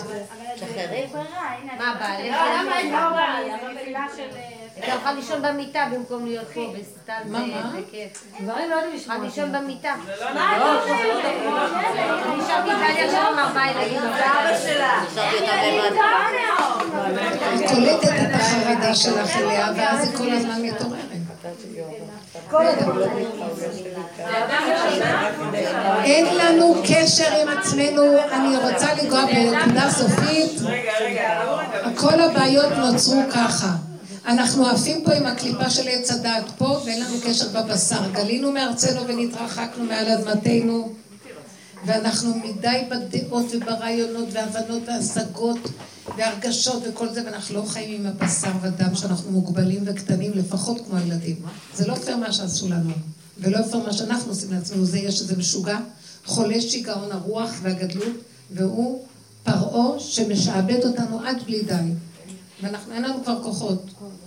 ולכן הילדים, הכל עלינו, והם חוגגים חיים טובים יש להם. למה שירצו לישון? חבל להם לישון, להפסיד חיים טובים. הם רוצים רק להיות ערים כל הזמן. מה? אבל אין לנו קשר עם עצמנו, והקשר עם הנפש והבשר והפגמים זה הקשר להשם. אין לנו קשר עם השם כתוצאה מזה. יש לנו קשר לאינטלקט, להבנות, להשגות, להתעופף לרוח, לרוחניות. אין לנו קשר עם השם. אין השם באמת. השם באמת זה במצוקה, זה בבשר. בגבול! איפה שיש גבול יש השם. שבמתן תורה, השם אומר למשה רבנו, לך תגיד לעם לפני קבלת התורה, לך הגבל את העם, שלא יעלו בהר סיני. כמה פעמים הוא חוזר ואומר את זה, משה אומר, אני אמרתי להם עוד פעם, כי הגבוליות זה התנאי לגילוי השם. אדם מוגבל, מתגלה השם. אדם מתרחב, השם נעלם והבן אדם חי בדמיון. הילדים, יש לנו גדלות יתרה. תראו להם שאתם מוגבלים, לא יכולים. תגיד, תלמדי להגיד לו, תעשה אתה, אני לא יכולה. אמא, אני רוצה כפית, תיקח. תחנכו את הילדים לסדר את הדברים לבד, ושגם הם יעזרו לכם. תביא, תיקח, תיתן, תסדר, תלמדו להשתמש בהם. זה ברור מאליו, זה טובתם. תעשה, תיקח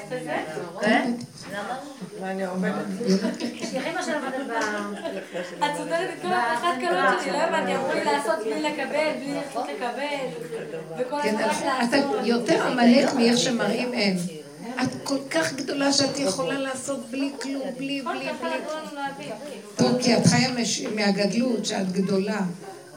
ואז את זה הבעל לא סובל. את גם עושה הכל בשבילו, אבל את גונבת שאת גדולה, ואת זה הכי שונא. אל תעשי כלום, רק אל תחשבי שאת גדולה. ואין לכם, הדרכת כלות הורסת הכל. אני אגיד לכם, רק אני רבנית. טוב, מתוקות שלי, השם יברך אתכם, אני סתם אה, צוחקת על הכול. נלך בדרך האמת, מספיק כבר ליפייף. תגלו את האמת ותלכו איתה בפשטות ותראו איך שיתגלה השם והוא יעשה לנו הכל, כי, כי הכל דרכנו נעשה במילא, אבל המוח לא נותן, תחושת האני עוצרת. משהו קטן. כן. כל פעם שאני נוגעת בנקודת האמת יש גילוי השם? פשוט, מוכרח להיות. אם את מתוודה על האמת, זאת אומרת על חוסר האמת ועל השקר שבך, ואת מבקשת רחמים, שם יש ישועה. תתעקשו לעבוד עם עצמכם, השני הוא רק המראה, המקל והסיבה. שהשם שולח. זהו. אם נתחיל להתמקד פה, החיים נראים אחרת לגמרי. כל האגו מתפנה פנימה, ונהיה עכשיו שטח פנוי שהשם ייכנס. והוא יתגלה. הוא לא מתגלה כי לא נותנים לו מקום להתגלות. תודה רבה. תודה רבה. שניתן לו מקום. צריכים לסיים. צריכים לסיים בחילוף שניתן לו מקום.